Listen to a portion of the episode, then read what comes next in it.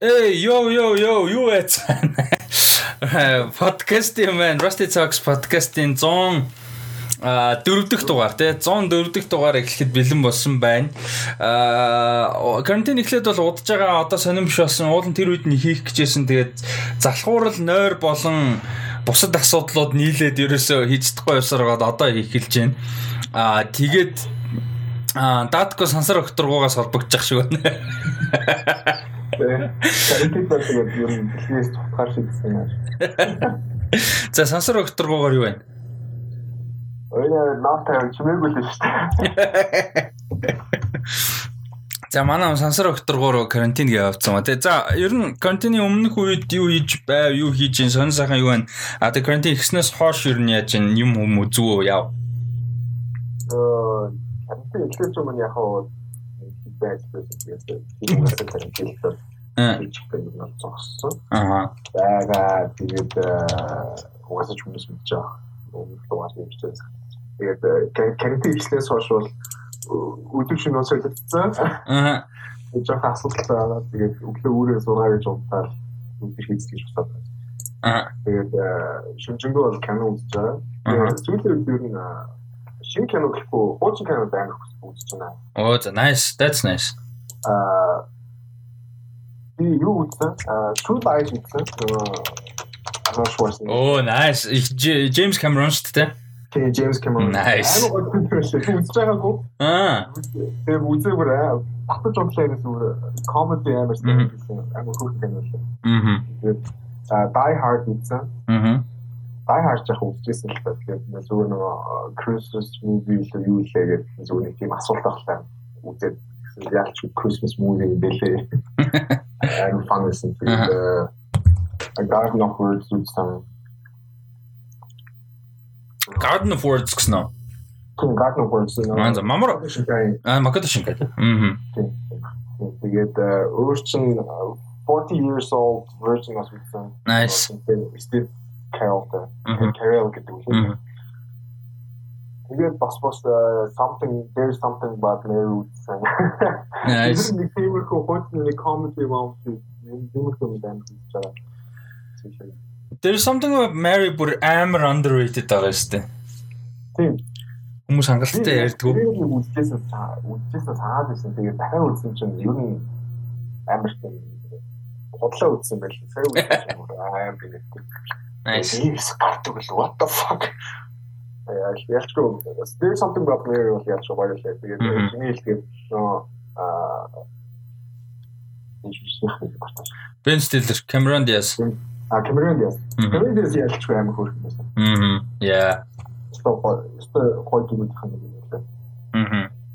өөр чи юу үзчихээ бэ? 960. Оо тэгээд Queen's Gambit хийж дуусгасан юм. Nice. Өөр чин юу дээ бас. Ер нь нэлээд тийм үзсэн. Тийм. Тэгээ ер нь бол э, карантиныг сайн ашиглаж байгаа юм шүү Аа нэлээд сайн үзэж байгаа. дээ. Nice. Ер нь л үзэл байгаа. Тэгээд яасан ч нөгөө Netflix дээр нөгөө хуучны кинод үзсэн чинь угаасаа нөгөө юу алгоритм нь угаасаа ажиллаад тэгээд хуучны кинод гаргаж ирээд байгаа. Мм. Тэгээд сүүл бас нэг юу үзсэн юм уу гэж бодоод аа юу юм Last Summer үзсэн биш. Оо, nice. Том Круз дээ. Мм. Тэгээд бид тэр жоохондоо нэлээд их үзчихсэн санагдсан. Тэгээд сайн үзсэн үү? Ямар ийм гоё кино л. Тэгээд ганц асуудал нөгөө Америкчууд өөрсдөө нэг тийм white Мгм. гэдэг. Яг тиймэрхүү талтай кино байлээ. Мм. нөгөө жоохон аазал талтай болох юм тэгээд нэг тийм цагаан бичүүлсэн тэр ковчиг аварч байгаа юм шиг нэг тийм жоохон э яг кино юм байна. Чи байна. Э юу яасан юм бэ? Одоо ингээ харсан чинь одоо энэ чинь ингээ өнөөдөр дөрөнд бичиж штэ. Тэгээд 4 5-ны үед орох бах. Тэгэнгүүт аа хоёлаа хамгийн сүүлийн подкаст 103 ороод яг нэг сар болж байгаа юм шүү. 11 сарын 5-нд орсон юм байна штэ. Тэгээ яг карантин эхэлдэг өдрүүдэд бүр яг 11-ний 2-ны үед яг дараагийн дугаар нь уулан гарах хэрэгтэй байсан тэгээ хойшлоо. Тийм тэгээд би а аль болох уул нь олон юм үзмээр байгаа. Гэхдээ чамшиг сангалтай үзэж амжихгүй байна. А бидэд нөгөө амжихгүй байна гэдэг нь болохоор би өөр зүг цагаа зүг хөрч чадахгүй байх шүү. Тэнд чинь их амар мундаг загвуудаа биш. А тэгээд а юу яаж байгаа? Айл болох нөгөө хөлн бөхтэй холбоотой мэдээлэл юмнуудаа би бүр ингээд айл болох байнга уншаад өнцгөө мэдээлэлч бишээ зүгээр юм нэг нийтлэл мэдлүүд гоё юм statistics analytics ч юм уу тийм юмнуудаа амар цаг зарцуулаад байгаа. Дээрэс нь юу а үдсэн юмнууд те үдсэн юмнууд гэх юм бол за бүтэнсэнүүдийнхаа л юугаар цуглалтаараа ерөөхдөө pop culture club цуглалт нэрээ яаж байгаа шүү. Бүтээс өдөр болгон яг одоогийн битээр энэ подкаст хийж байгаатай адилхан Google Meet-ээр хийж байгаа шүү нэр хүмүүстийг чандж хэлэхэд такс 3000. Тэгээд юу болохоор үдсэн юмнууд гоё хайлайт гэх юм бол Palm Springs үзээрэй гэж хэлмээр байна. Аа амар юу юм. Би одоо ингээ камерлоо харж ярихаар даткор руу болон үзэгчд рүү харж байгаа юм шүү яг нэг чулуугаар хоёр тулаа юм шүү дээ. Нэг сумаар хоёр тулаа гэж л. Юу um Palm Springs үтсэн. Sunday Sun Dance фестивалаар гарсан. Тэгээд э, юу бол Palm Springs бүр үнэхээр гоё амар fun тийм comedy кино л нөгөө нэг time loop story байхгүй юу? comedy. Тэр нөгөө Andy Samberg тийм. Тийм Andy Samberg. Тэгээ эмэгтэй юм билээ. Ер нь айгүй гоё байсан, амар гоё байсан. Аа үзээрэй гэж зүйлмээр амар инээдтэй, адал явдалтай. Тэгээд аа яг тэрэн дээрээ тэгээд нэг тийм гоё ашигласан байсан. Яг тэр нэг time loop гэдэг нөхцлөө айгүй гоё ашигласан байлаа. А тэр гайгүй гоё байсан. За Queen's Gambit obviously юу хийсэн байгаа. А Hollywood үтсэн нэрээ. А яширлсэн тийм Холливуд ерөнхийдөө нэлээд таалагдсан. Гэхдээ анханаас нь тэрийг ингээд нэг юм фэнтези гэж хүлээж аваад хүлээн зөвшөөрөөд үзчих юм болгоо. Яг тэр ингээд нэг юм фэнтези хөлбөр байгаа байхгүй Холливуудын одоо нэг ийм ийм асуудал байдаг а тий ийм ийм юм байдаг гэж хүндсэн мөртлөө тэрийгээ одоо ингэж нөгөө гаргалгаа гаргаж байгаа нь амар фэнтези байхгүй юу? Одоо жишээ нь нэг хүн ингээл дарлуулаад байдаг одоо юу гэдэг racism байд юм уу, homophobia байд юм уу, тэ одоо power play байд юм уу, одоо harassment байд юм уу ингээд тийм юмнуудыг хөндөнгүүтээ тэрийг яаж overcome хийх хөнгөт yeah гэж Оскар авчдаг ч юм уу. Тэ like know ингээд жоохон фэнтези байхгүй юу? Like actual асуудлыг actual ингэж одоо шийдэн гэхээсээ илүү илүү хамаагүй фэнтези илүү тийм хүүхэлдэйн кино шиг Like as in like more dreamy fantasy cartoon шихгүй. А тэгэд гой гоёын хувьд бол амар гой colorful cast амар гой дөрүүд нь угаасаа гой cast нь амар гой production costume design makeup нь бүр амар гой гой юмнууд бол айгүй хийц бол ялангуяа маш сайн. Гэхдээ зүгээр тэр нэг юм fantasy юм шиг элементийг а юу яачих юм бол анханаас нь а окей за энэ угаасаа ийм юм байна гэд үзчих юм бол нэг яахгүй бах асуудал гарахгүй бах гэж бодож байна. Ер нь бол тийм тэр нь нэг таалагдахгүй бол амар асуудалтай. Яг тэр нь хэрвээ таалагдахгүй бол угаасаа яг нэг тиймэрхүү юм аа. Ч нэг тийм өнгөлтэй. Тийм. Яг го нилээд сэдв хөндөж байгаа одоо harassment байд юм уу те эсвэл одоо нөө ялгуурлал инээ тэр байгаа. Гэхдээ тэрийгээ зүгээр гаргалгааг гаргаж байгаа нь айгу амар амар fantasy Тэгээ тэгэхээр тэрийг нь яг анханаас нь окей за энэ бол alternate history те ингээд alternate history биш зүгээр fantasy те энэ бол ийм байгаасаа ийм байдаг байсан бол гэж нэг ийм fantasy маягаар юм да гэд ингэчих юм бол яг уу зүгээр. А тэгээд Palm Springs гоё байсан. А юу айгу гоё байсан нэрээ санал болгоход би уул ревю хий гэж удаа тэ нэг яг 7 хоног болгон бүр ингээ ажил болгоо хийхгүй залгуураад байна яг үнэндээ. Um Hillbilly Elegy айгуу гоё байсан. Netflix-ийн драма. Ron Howard найруулагчаар ажилласан. Тэр бас айгуу гоё байсан. Тэгээд ревюуд нь бүр амар муу байлээ. Which is surprising. Бүр амар муу ревютэй байлаа. Тэгээ би бүр гайхаад яагаад ийм амар муур байгаа юм бол гэд. Тэгэд за би юу вэ? Энэ window capture хийж яаж байгаа юм чи би бас хүмүүст харуулъя.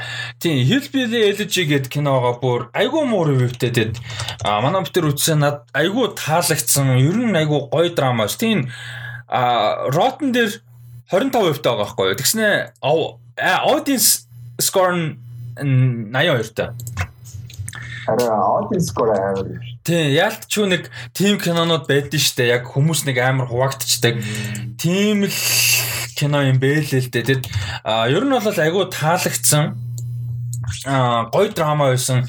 Кастинг амар гоё. Glenn Close хин Эми Адамс тийм энэ Metacritic дээр 39 гэсэн Metacritic-ийн audience score 8 байгаа байхгүй юу. Тэгэхээр ялчгүй үзэгчд амар даалаад critic-ууд бүр амар байшаасан юм кино. Тийм. Эми Адамс ямар өөр харагдав. Тийм, трейлерыг нь яасан штэ хоёлаа ярьлуу. Трейлерыг ярьсан санагдаад байгаа. Би тийм хинтээ подкаст хийсэн. Би ярина гэж бодоод яриаг юм болоо. За за either way. А ямар ч байсан амар таалагдсан. Ер нь гоё драма байсан. Нөгөө Kings of Summer дээр тоглолдог банд том болцсон. Одоо нэлээд том насанд хүрсэн залуу. Мань хүн а тэгээд Amy Adams, Glenn Close энэ гурав ингээд Eman, Ejin хүн а тэгэнгүүтээ хин бас жижигхэн айгүй хөөрхөн туслах дүрт байгаа. Freda Pinto нөгөө энтэг жүжигчин шүү дээ нөгөө Slumdog Millionaire тоглолдог. Тэгээ ингээд ийм дажгүй гоё каст. Ер нь айгүй гоё драма байсан. Надад айгүй таалагдсан. Дээрэс нь бас айгүй personal туссан юмнууд надад зөндөө байсан. Яа хийцтаас би 2 3 чудаа бүр ингээд зангираад бүр ингээд аа бас левгүй болох үед болсон болсон. Үзнэ. Netflix дээр байгаа юм шүү дээ. Тий, тий. Гиснээс өнөөдөр үлээ өчтөр юу орсон байл шүү дээ. Mank. Аа, Дэвид Финчрийн шинэ кино хүй. Миний камерчд яагаад бүжгэлээд унаа. За, жоо, Автфокс. За автофокус нь унтраахгүй бол миний камер сайжтай нэр ингэж шít. Би яг та юу ихтэй ихтэйс шүү дээ ихтэйгөө. Ер нь одоо үсэн гэдэг систем гэж байгаа аа Aaron Sorkin нөгөө The Trial of of the Chicago Seven Аа за.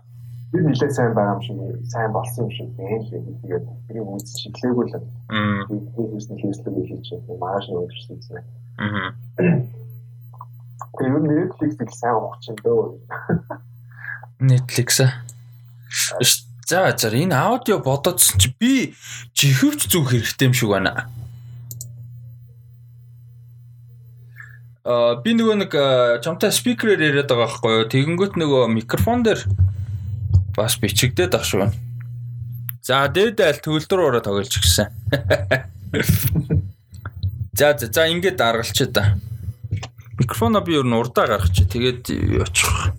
Бараг болчих хаа зааж байгаа. Микрофон юм уу даа. Аа за одоо арай гайг баг. 1 2 3 1 2 3 зааж байгаа. 1 2 1 2 1 2 Аа окей. За. Эм Тийм байна. Тэгээд өөр марцсан юм юу вэ? Үдсэн юмнуудаас. Pocket Godfather гэсэн. Оо за, nice. Угаасаа бүштэй яг нь үзэх ёстой кино гэсэн болохоор үзсэн л дээ. Юун дээр гоё кино ч үстэй аниме. Аа. Юун дээр аа мартцсан явж ин ярина гэж бодож байгаад аа сая би нөгөө нэг юу гэсэн штэ. Mank гэдэг. Тэгээ Mank ч нөгөө нэг Citizen Kane киноны нөгөө юутай холбоотой. Одоо production хийц нөгөө нэг зохиолч мохиолчтой холбоотой. Тэгээ тэнгүүт юу юм бэлээ? А Citizen Kane-ыг уул нь үзчихвэл өмнө нь. Тэгээ тэгвэл бас зүгээр юм бэлээ. Трейлерыг нь бол хоёулаа ярьсан шүү дээ.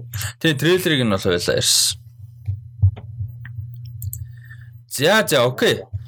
За а дараагийн эхний мэдээлэл болохоор трейлер байгаа Wild Mountain Time гэж киноны а трейлерын талаар ярилцахаар ерөөхдөө бэлдсэн байна. А трейлер чамд ямар санагдав? Энэ бол найруулагч нь за энэ кино манай хувьд тарж байгаа John Patrick Shanley гэж хүн найруулагчаар нь ажилласан. За ийм Defiance гэдэг тун давгүй хинтээ кино байдаг. Аа тэр биш юм байна. Play юм байна. Sorry. Defiance гэ хэний кино байдیں۔ Тэр биш юм байна. Daniel Craig-ийн тэр юм болоо гэсэн чи. За. Надад хамгийн их нь Christopher Walken яриад ирсэн чинь It's not Irish. Тэр Walken тэр өөрөө яриад байсан. Тий. Тий. Accent авахгүй тэр яг нэг accent хийх гэж ахдаг байгаа. Тэгээд тэр нэр нэмэгдсэн. Мм өөрөө нэг юм өрөө зэрдэн шүү дээ. Тэгээд зүгээр яг тэр нь яг юм дээр тэгээд ямар ч аюул шаардсан. Тэгээд Emily Blunt амар Тийм, Emily Blunt чинь А мань хүн бол англи дээ тий. Ирланд бол биш тий. Джейми Дорнан чинь Ирланд биш дээ яг миний мэдхээр. Тийм ба. Тийм тийм. Тийм. А, Джейми Дорн нь хойд Ирланд юм байна. Тэгээ энэ амар тийм гой өнгөлөг тэгээд нэг юу ядэн штэ. Одоо нэг энэ жилийн би нөө юуг яриад байгаа штэ. А Эмаг тэр шиг яг нэг юм гой касттай тэгээд нэг юм хөнгөн комеди драма юм шиг харагдсан. Тийм, надад яг юм хэлсэн. Би би яг нэг үзэж байхдаа би нөгөө Донны Донны Донны яасан. Эмили плантыг дүүртүү ингээд одоо татагтаатай. Аа. Гэхдээ бидний нэг бурх гадаа болов гэсэн чинь. Тэгээд synopsis-ыг уншсан чинь эсвэлгээр эмили плантыг дүүрэн өгтөө нөгөө буудлын хаатай. Аа. гэдэг. Аа. Тэгээд манайгаар багтаа нөгөө гэр бүлийн нэг тийм curse байдаг тэгээд Тэрнээсээ болоод юу ойлгохгүй яагаад гэдэг нь synopsis уншсан тийм их байсан. Аа. Тэгээд нь доктор эсрэгээр ойлгохтой юм байна тэгээд. Тэгээд эмиш плантын дүрийг доктор тийм нөгөө хиний аа талтай. Джон Хам. А Джон Хэмийн дүүс доктор ингээд татагдаад тэгээд аа тэрнээс болоод Жими Донны дүр болохоор ханс явж байгаа болов уу гэж байна. Аа. чинь хараа бас явгүй юм шиг байна лээ. Аа. Надад амар хөөрхөн трейлер санагдсан. Тэгээд Кристофер Рокныг хараагүй ямар удсан юм бэ те? Аа тийм би бүр баг энэ Тэг Кристофер Рокны энэ зүжигч. Тэг Кристофер Рокныг хараагүй бол айгүй удсан гоё байлээ. Тэгээд энэ баг өнөөдөр ярих трейлер юмнуудын хамгийн нэг тийм хөнгөн нь бах те. юу Кристофер Рокны хасаар юу шингийн film юм чи. Мм. Залуу юу? Харагдав. Залуух баг л хиндэ юм шиг юм хатдаг. Мм. Хивэндээ. Харин Тийм, ер нь залуу одоо 77 настай юм байна шүү дээ. Тийм. Тийм, бас ч гэж л. За, тэгээ өнөөдрийн дараагийн трейлер болохоор за энэ Wild Mountain Time болохоор а, 12 сарын 11-нд юу яах юм бэ? Аа, гарах юм байна. Юунуудаар аа юу юм бэ? Театраар тий? Гарах юм байна. За, тэгээд аа дараагийнх нь за 12 сарын 11-нд театруудаар тэгээ VOD нөө видео on demand бас гарчих юм байна. Тэгэхээр ерөөхдөө торрентлж үзэх баг боломжтой болчихно гэсэн үг. 12 сарын 10-даар дараа 7 хоног гэсэн. А за дараагийнх нь болохоор The Mess You Leave Behind гэдэг нэртэй Испани хэл дээрх Netflix-ийн original кино байгаа. За ийм киноны бол а трейлерыг ярилцъя гэж бодсон байна. За энэ дээр энэ чамд ямар санагдав? Ер нь бол сүүлийн үед аль болох international production юунуудын одоо мэдээлэл юмнуудыг аль болох оролцуулаад ярилцахыг хичээж байгаа тийм. Тэгээд энэ их хүн кино авсан байсан. Яг гэхдээ яг энэ тухайн улсын болсон том асуудлуудын нэг юм уу яг юу болсон ойлгоо гэхдээ нэг сурагчтайгаа багш нарын нэг тийм асуудалтай нэг бол сурагчтай асуудалтай юм. Аа. Яг яг сайн ойлгоогүй гүнийг л яг сайн ойлгоогүй. Гэхдээ яг хоо трейлер бүтрээр нь бүтрээр нь авч үзэх юм бол яг сонирх юм. Хүн сэдв байгаад байгаа. Би тэгээд яг яг ямар сэдвийг нь ойлгоогүй. Яг өмнө нь байсан багш нь амиа хорлцсон юм уу? Тэгээд тэр нь сурагчдаас нь хамгаа одоо болоод ихсэн ч юм уу? Яг юу болсон юм бол сайн ойлгоогүй. Би яг тэгэж ойлгосон шүү дээ. Яг өмнө нь байсан багш нь амиа хорлцсон тэгээд сурагч нараас нь болсон байх магадлал амар өндөр гэж ойлгосон шүү дээ. Харин тиймэрхүү тэг би тэгээд нэг зарим нэг сурагчд нь тэгээд нэг амар нэг юм юу ганг мангтай холбоотой ч юм уу тийм ер нь буруу замын гараад юм шүү байгаа юм тэгээд би яг юу мөр чинь бэ яг үндсэн конфликтийг бол сайн мэдэхгүй байна яг нэг юм тухайн улсад нь байдаг нэг тийм том асуудлуудаас одоо сэтгэлээд хийж байгаа юм уу нэг бол илүү fictional юм сайн мэдэхгүй л Тэгээ энэ болохоор 8 эпизодтой юу юм бэ? Богино хэмжээний зураг юм байна. Аа зөв зөв. Тийм тэгэхээр бас нэлээд юу яах л ах л та. а character хөгжүүлэлт нэлээд явах л бах л та story дундаа тийм. Харин тийм. Тэгээд энэ caption гэх юм уу да нэг гэсэн чинь how long will it take for you to die гэдэг юм тэгээд араа what the fuck гэж бодоод. Die Sponge-ын хийсэн production. Надад тэгээд амар зөвүүн санагдсан хэсгийн энэ юу сүулт нь байсан нөгөө dying is an art гэдэг Аха. Тийм. Dying is an art гэдэг тэр тий like everything else I do it exceptionally well гэдэг бас амар зүг санагдсан. Бас зүгээр ч үхгүй те амар зүг айдиа. Энэ хүртэл Datkog аудио clear бичигдээгүй байж магадгүй юм шиг байна шүү. Хэрвээ тийм бол sorry. Энд чи а аудио recording дээр нь жоохон алдаа гарсан юм шиг байна. Одоо гайгүй юм шиг байна. За гайг бах уу? Гайг бах уу. Энэ хүртэл аудио бичигдээгүй байж магадгүй юм шиг байна. Хэрвээ тийм бол sorry. Одоо ялтай шээ. За ам дараагийн трейлер. За дараагийнх нь болохоор Netflix-ийн юу байгаа? Ба цуврал баримтат цуврал гэх юм ба тий. The Ripper гэдэг энэ болохоор цуврал алуурчны тухай ийм юу. Энэ чамд яав ямар хөө санагдав. Энэ дээр бас яг трейлерүүдээс яг ингээд хамгийн excited байгаа нь энэ бүр ингээд оо окей. Үдэх амар өсөлтөө. Яг л яг ингээд би сүүлийн үед бас нэг иймэрхүү Netflix-ээр иймэрхүү юм үзсээр байгаа бүр донтож байна яана. Serial killer-тэй нөгөө Neighbor Next Door crime documentary дөө Family Next Door тэр нөгөө Don't Mess with Cats бас бос зөндөө юм. Тэгээд тэр нөгөө Three Identical Twins ч бас нэлээд dark юм байлээ. Би нөгөө энэ тийм шүү гэлээ. Netflix дээр орсон болохоор үзсэн. Тэгээд тиймэр тэгээд нэг иймэрхүү баримтат кинонууд ер нь донтчод байгаа. Тэгээд энийг үзчихээд бෑ за энийг гаргалаа шууд үзье. Амар excited байгаа. Трейлер амар гоё харагдчихлаа. Тэгээд Ripper гэхлээр нөгөө Jack the Ripper гэл нөгөө амар хэдвэр зунж байсан юм дээ. Нөгөө Лондонд амар том serial killer байсан шүү дээ. Тэгээ хідэж баригдаж байгаа үгүй. Би тэрний талаар юм болов гэсэн чинь юу вэ? Бүр орчин үед юм байлаа. Тэгээд сонирхолтой санагдаад трейлер үзсэн. Трейлер ч гоё байлаа тэгээд Тэгээ Netflix-ийн crime documentary-нуудын production хийц бол айгүй сайтай шүү дээ. Маркетинг бас айгүй сайтай. Тэгээд нэг эвгүй юм нь Зүгээр ингэ санагдуулаад байгаа. Нөгөө Netflix одоо ингээд юу олон хүнд хүрж шít те.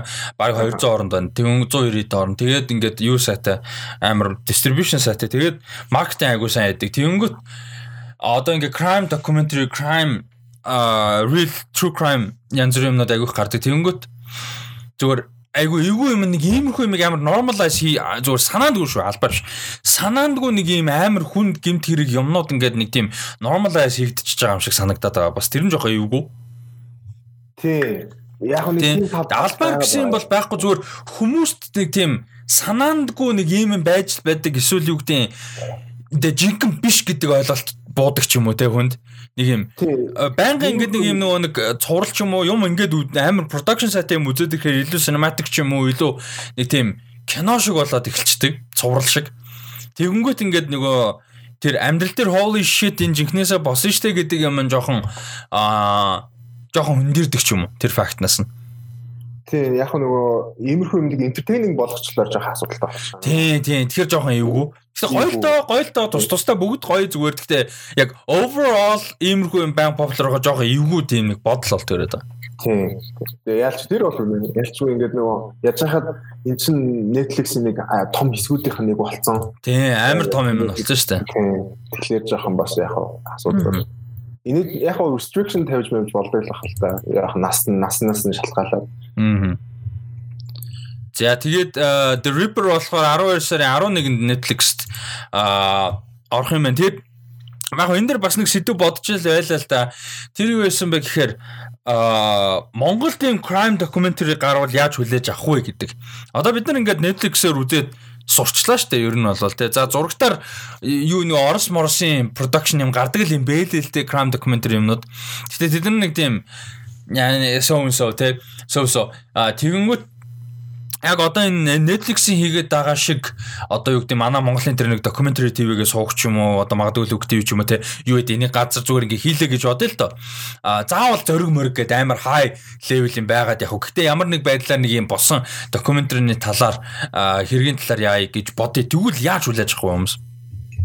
аа дуртай хүлээж авах. Нааг жоохон байхад 25 доор сувг дээр ч үлээ дээ. Аль нэг дээр нэг тиймэрхүү байн гардаг. Гэхдээ илүү орчин үеийнх биш нэг 19 дэх 100 мөн ч юм уу тэр үед болж исэн тохиолж исэн нэг тиймэрхүү аллам аллар тэгээд тийм юу гэж чинь цаг та нарын одоо юу гэж чинь 90 сурвалжилж байгаа нэг тиймэрхүү одоо story story гараад идэг байсан. Тэгээ хүмүүс амар дуртай л үзээд байдаг гэсэн. Тэгээд Тэгээ ер нь монголчууд нэг тийм их юм сонсгоо үзэх дуртай байдаг шүү. Тийм үү. Би яг одоо яг Монголд нэг тийм хүнд хэрэг байгаад ийм production site ингээд хийчих юм бол бүр амар одоо бүр юм нөгөө нэг negative reaction байх юм шиг response байх юм шиг санагдаад байна надаа. Бүр яг галзуур юм шиг ийм юм ингээ нөгөө glorify хийлээ милээ инээ тэрэ гэл бүр яг галзуур юм шиг санагдаад байна. Яг том хэмжээнд хийх юм бол тэгж магадгүй. Яг нөгөө зүгээр телевизийн нөгөө тийм гейм нэвтрүүлэг маягаар хийжлэр хүмүүс тахгүй юм. Том хэмжээнд хийх юм бол харин тийм. Тэг хүмүүс яаж хүлээж авах вэ сайн. Нэвтрүүлэг маягаар хийвэл нэрээ зүгээр бах тий. Гэтэ нэг тийм яг ч би ингээд э, Монгол нэг тийм хэмт хэрэг гэхлээр нэг тийм юу юм шиг анзаардаг юм шиг яваад идэм шүү. Нэг фэнтези ертөнцтэй. Тэгээд нэг Монголд болж байгаа хэрэгүүдэн талаар ингээл нэг мэдээлэл энэ төр харангуут шокнд орно. What the fuck Монголд юм болт юм. Амар амар болт юм билээ. Харин тийм бүр дээр нэг мэдээ уншчаар шокнд орно. Монголч ус юу юу юм болдог юм. Гэтэ яг нөгөө жижиг уус болохоор амар амархан баригдаг юм шиг байна. Тэр нь бас нэг бодлын позитив юм да тий. Яа. За. А The Ripper болохоор 12 сарын 16-нд Netflix-д орох нь байна. За тэгээд өмнөх Испани цуврал, богино хэмжээний цуврал The Mess You Leave Behind 12 сарын 11-нд орох нь байна. Энэ бол надаас айгүй сонирхолтой санагдаад байгаа. За дараагийнх нь болохоор а нэлен big deal ерөнхийдөө хоёр бол юугаар ярьж ирсэн те а подкастер бол ярьжсэн тухайн үед нөгөө нэг фестивалуудаар нээлттэй явж байхад маш өндөр үнэлгээ авч байна гэд ярьж байсан кино байгаа. Pieces of a Woman гэх кино байгаа. Аа Vanessa Kirby бас нөгөө шагнал авсныг нь ярьжсэн шүү дээ. Тийм, Vanessa Kirby шидэж үсний шагнал Торонтогоос үлээ те Берлинээс ч үл авсан. Тэгээд Shia LaBeouf туслах дүрдэн тоглосон. А ийм кино байгаа. Тэгээд энэ Pieces of a Woman бол нэлээд өндөр хайптай хүлээлттэй байгаа. Тэгээд хиний оо shit хиний Vanessa Kirby-гийн 2020 онд гарсан хоёр нэлээд анхаарал татж байгаа хоёр киноны нэг нь байгаа.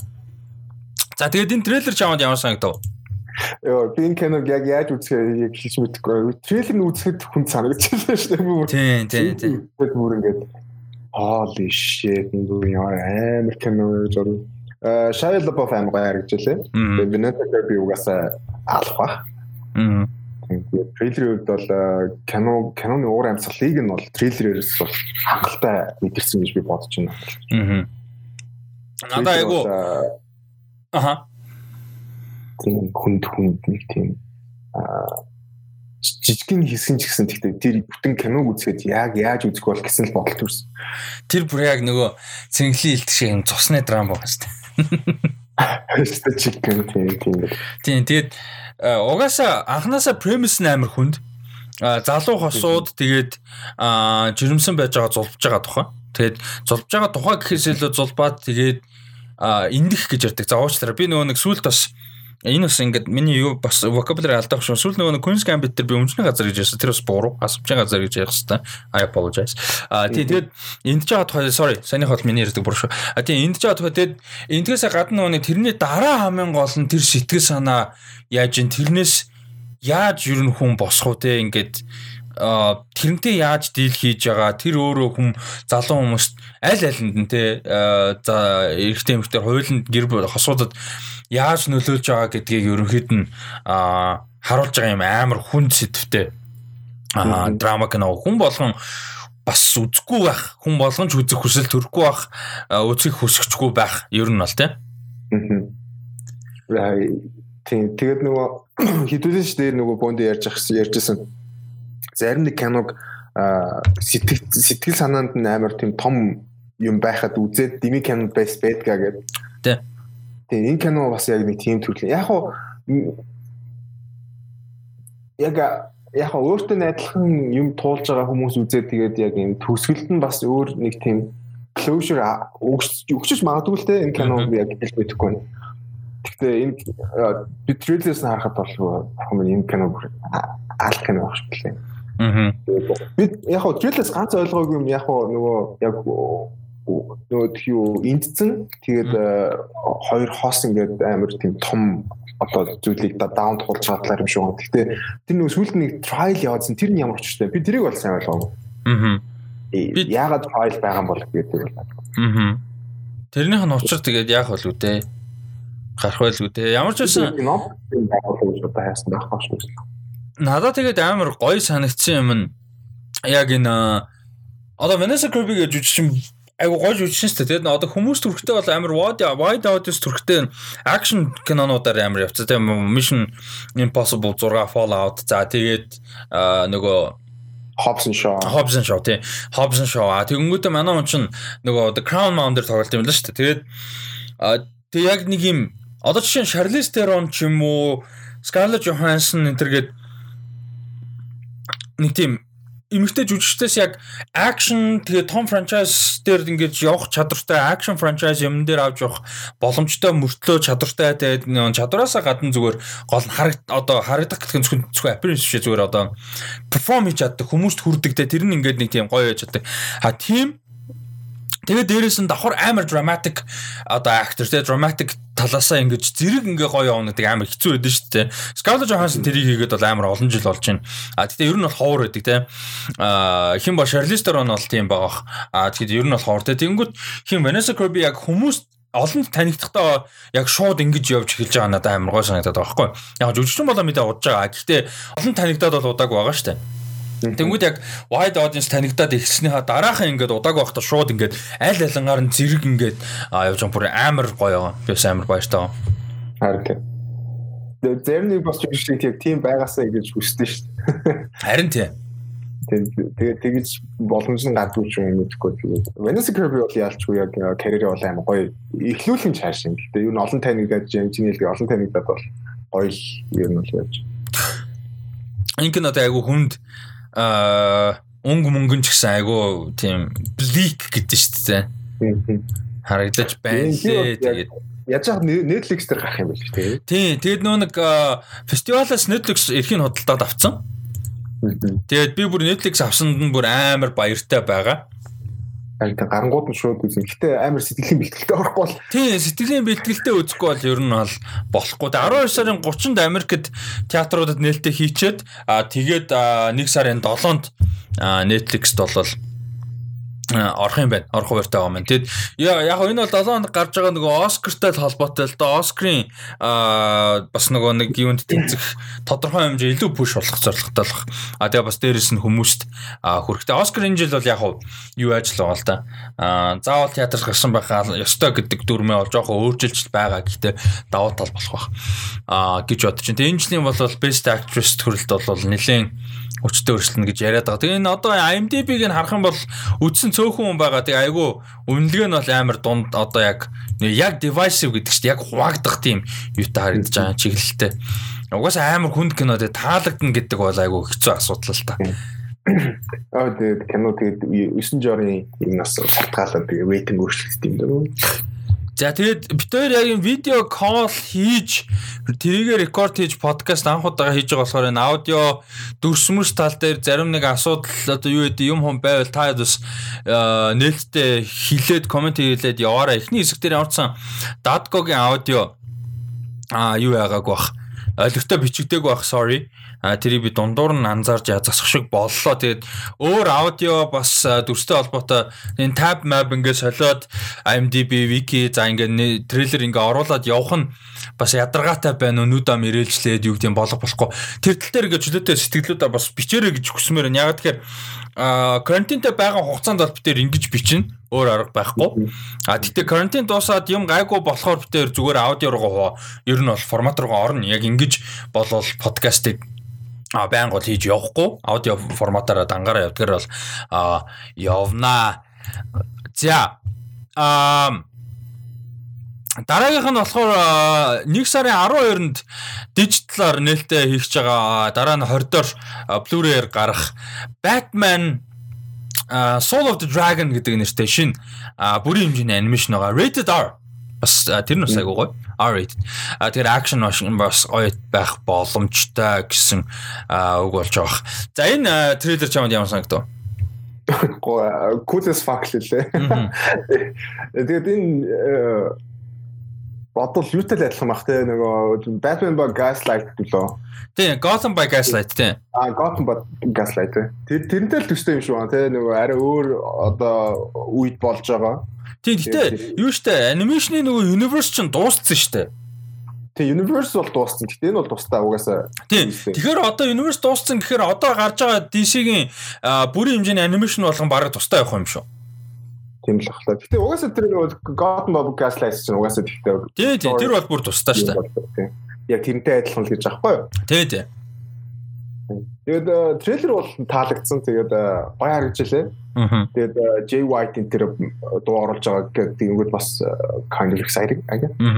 Тэгээд юг мэрчимдээ тэр үеийн кинонуудыг одоо нэг тийм кунфу тэ нэг тийм martial art кинонууд байдаг шүү дээ.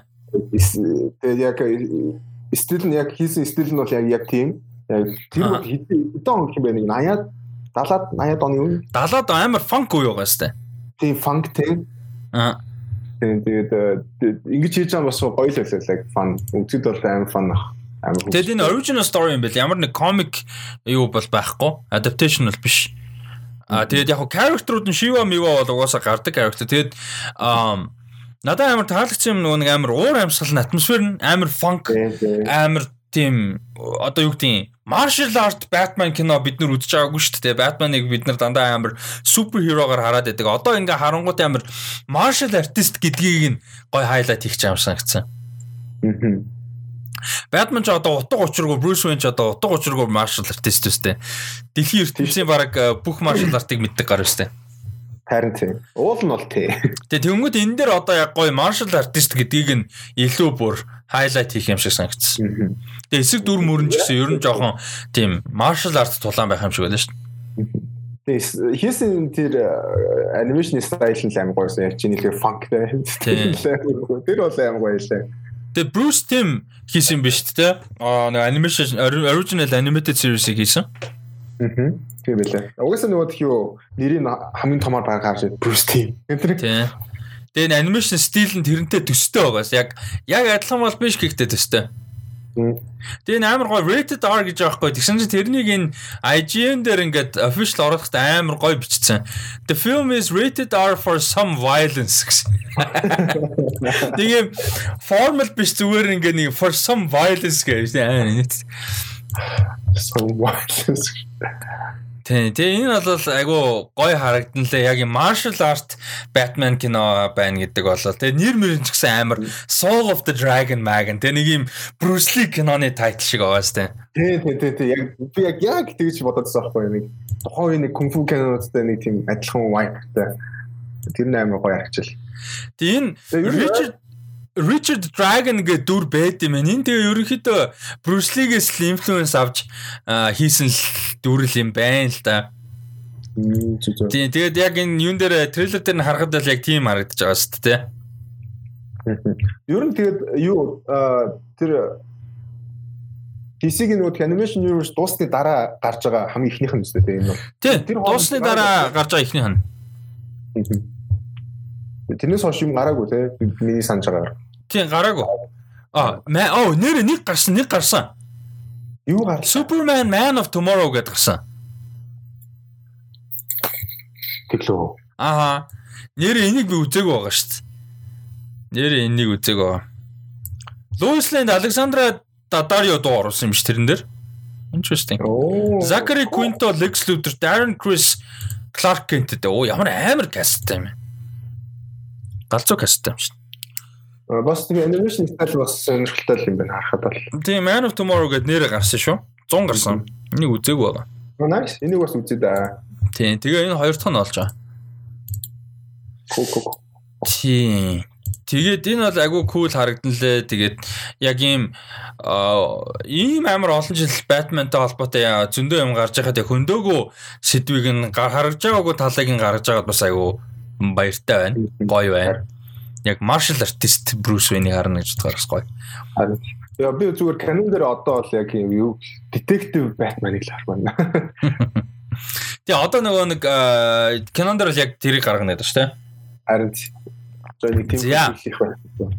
А дараагийнх нь болохоор за энэ бол бүр нэлээд эпик. Энэ бол яг өнөөдрийн хөндөж байгаа трейлерынудаас миний хувьд хамгийн хайптай байгаа нь энэ.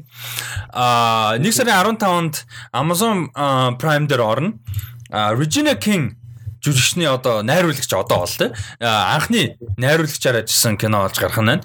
One Night in Miami энийг хоёлаа нэлээд хэдэн дугаараар ярьсан тэ подкаст тийм нэлээх ярьсан нэлээх ярьсан. Тэгээд нөгөө хоёлаа бас Монголд ийм хүмүүсээр хийвэл ямар хүмүүсээр хийвэл гоё байх вэ гэж ярьсан. Тийм. За тэрийг хоёлаа дахиад хөндий тий. Видеото дугаар хийхээр хүмүүс илүү үзэж магадгүй. За энэ юуны хувьд бол киноны хувьд бол юу яаж байгаа? а яг 60 69 онд лөө тийм чи үйл явдал нь а тэгээд үйл явдлын хувьд бол яг 69 онд тэгээд хин за за би яг нөгөө нэг юуг нь гаргаж ирж ярихгүй бол за 64 онд. 64 онд хин? Sony листэнтэй хин тулалдсан? Мухаммад Али. А тэгэд ялсан байдаг. Тэр бол амьдрал дээр босвол явлаа. А тэгэд энэ болохоор fictional history маягийн кино. А тэгэд Энэ кинонд болохоор 64 Sony листний ялсны дараа яг тэр оройн нь Мухаммад Али Malcolm X-ийг хүмүүс мэдэх бах. Malcolm X. За тэгээ алдартай дуучин Sam Cooke, тэгээд Jim Brown гэдэг Америк хөлбөмбөгчин За энэ дөрөв Майамид нэг буудалд цуглаад орой яриа өрнүүлж байгаа тухай. Ерөнхийдөө тэгэл болоо. Яг үндсэн премис нь бол за энэ дөрөв бол дөрүүлээ юугаар алдартай вэ? Юугаараа нэг вэ гэхээр дөрүүлээ бүгд тэг ширхийн төлөө, бүгд тэнцвэртэй байдлын төлөө өөр өөрсдийнхөө одоо хэв маягаар өөр өөрсдийнхөө платформоор өөр өөрсдийнхөө одоо замаар маш эрчимтэй одоо тэмцэжсэн юм хүмүүс бүгдээр ямар нэг байдлаар. А тэгээд Тэрийг бол энэ бас хөндөх бах. А тэгээд энэ дөрвөн хүний тухай ийм сонирхолтой fictional story байгаа. А тэгээд анхны трейлер нь бол цацагдсан байгаа. За энэ чинь харж байгаа Мухаммад Али энд үж जैन. За энд Malcolm X, Sam Cooke, Jim Brown гэсэн дөрвөн бол яг ингээд сууж байгаа. А тэгээд дээр өнгөрсөн дугаараа нэгэн дээр нь юу гэж ярьжсэн бэ гэхээр за ингээд түүхэн яг нэг цаг үед байсан дөрвөн хүнээр за 3 4 хүнээр те энэ түүхэн кино ийм гоё диалогтой тухайн үеийн нийгмийг хүндсэн ирээдүг ирээдүйн талаар ярьсан өнгөрсний талаар ярьсан ийм маш сайн диалогтой гоё ийм одоо зохиол те кино байвал ямар хүмүүс байвал гоё вэ гэд хойлол ярьж исэн те. Тэгээд миний дэвшүүлжсэн санал болохоор нэг юм 90-ад онд 90-ад оны яг арчлалын дараахан те а нэг тийм янз бүрийн хүмүүсийн төлөөлөгч одоо жишээ нь гэдэг за дашбалбар те. Дашбалбаргаа за тэгэнгүүтээ зориг те. Зориг авсан. Тэгээд юу гэдэг нэг урлагийн төлөөлөлнийг одоо магадгүй харангал хавсар айгу залуухан тэр дунд те. Амар залуу voice те. Дөнгөж 20 идтэй те амар юм ирчүүчтэй за тэгээд тэгтээ мань хүн амьдрал гэдэг дог 25 таа бичсэн гэж бодохоор амар л байгаа юм л та. Тэгээд тэгээд одоо өөр хин бэдэм нэг ийм одоо жүжигчин сувдгаа байдаг ч юм уу Тэгээ амар юм. Зөвүү нэг юм хүмүүсийн одоо character-уудтай characterized төлбөр гэсэн үг шүү дээ. Тэгээ нэг юм тухайн нийгэм ардчлал гараал байж байгаа тий социализмаас өөрчлөгдөд удаагүй байгаа ч юм уу? Тэгэл ингээл тиймэрхүү одоо диалог явсан. Тэрний тухай кино болсон гоё юм болоо гэж ярилцчихсан байна. Тий, тий, яг тэгж ярьжсэн би яг дуучин харгын лавга гэж ярьж ирснийг амжсан сонссон тоосон чинь. Тэгэд яг хуу спортоос гэж төлөөл яг хуу энэ кинон дээрх дөрвөн хүний хувьд нийлж байгаа юм зөвхөн өнгөт арьстай хүмүүсээс гадна нөгөө нийгмийн итвэх нь байгаа юм л да. Тэгээ нэтвэх гэж зүтгэлэн тэ амьдралаа зорцуулсан зүтгэлэн. Яг хуу бидний ярихаар бол тэр жоохон өөр болчихно а яг тэрний зүтгсэн хүмүүс юм бол жоохон өөр хүмүүс болоо явчихна л да зүгээр яг нэг цаг үед амьдарч исэн инфлюеншл хүмүүсийг нэг дор гэдэг утгаар байвал бас гоё юм болов. Жохо өөрчлөөд тий. гэж бас бодож байла. Тэг манай бас сонсож байгаа хүмүүс яг иймэрхүү сэдвтэ fictional history шүү амьдрал дээр заавал босон юм байгааргүй те. Иймэрхүү байвал ямар монгол хүмүүсээр байж болох 3 4 хүн те. Хүнтэй диалогтой гоё юм э, кино байвал юу болох гэдэг бас а сэтгэлдээ хуваалцаарай. За трейлер оръё. За трейлер чамд ямар санагдав? Аа трейлер гоо харагдчихлаа. Тэгээд амар фан хамгийн гол нь яг ингээд нөгөө иймэрхүү кино хийх гэж байгаа гэдээ бас нэг дэндүү series бас биш болно шүү дээ. Тэгээд тийм биш амар фан харагдчихлаа. Тэгээд яг ин дөрүүлээ тэгээд нэг ярьж хоорондоо ярьж байгаа тэр нөгөө vibe ч юм уу те. Тэр мөр бүгдээрээ нэг тийм хөвгчлөлтэй тэгээд амар хөнгөн аа Тэгээд жишээ нь тэр од нөгөө Мухаммад Али нөгөө тэгэхээр толон дүүргээ харснаа. Би яагаад тийм үзэсгэлэнтэй бэ гэж хүн хоолгоод хоолгоос баг тийм шилж байгаа юм. Тэр нэр амар хөвгөлтэй байсан. Тэгээд трейлерээс харахад бол яг яг тухайн үед яг өөрсдийнх нь тэмцэжсэн тэмцэл юу байсан. Тэгээд тэрийг нь бас ингээд хөнгөн хөвгөлтэй ч байсан. Ингээд яг хойлоод яг тийм хүмүүс хүрэхэд гоёор бас хийсэн байж магадгүй гэж харагдсан. Ер нь трейлерээс л. Аа надаа айгүй хүнд давхар амар фон харагдсан.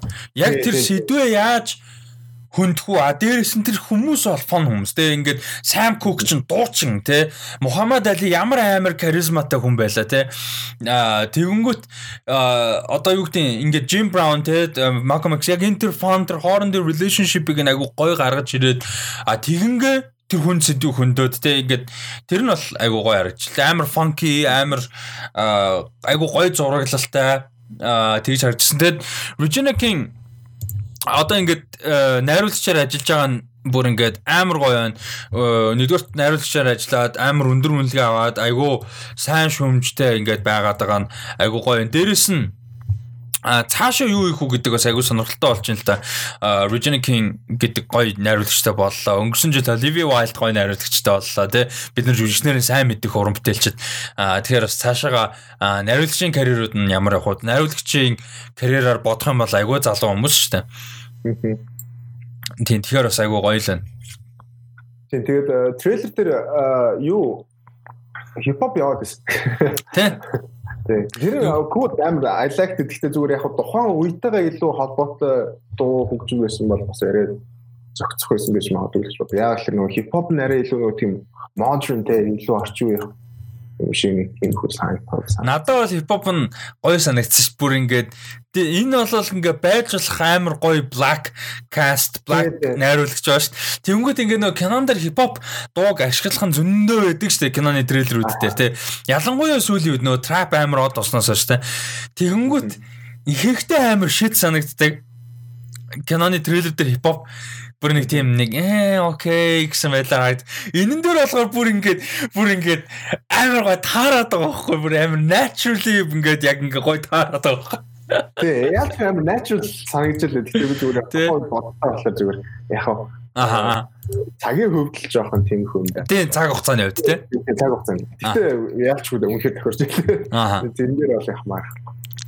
За тэгээд юу маань болохоор One Night in Miami болохоор 12 сарын 25-нд театруудаар нээлттэй хийчээд Amazon Prime дээр 1 сарын 15-нд гарах юм байна. 1 сарын 15-нд. Тэгэхээр ер нь бол өнөөдрийн сэдвээр ярьж байгаа мэдээллүүдийн яг трейлерүүдээс миний хувьд бол хамгийн хайптай байгаа нь One Night in Miami байна.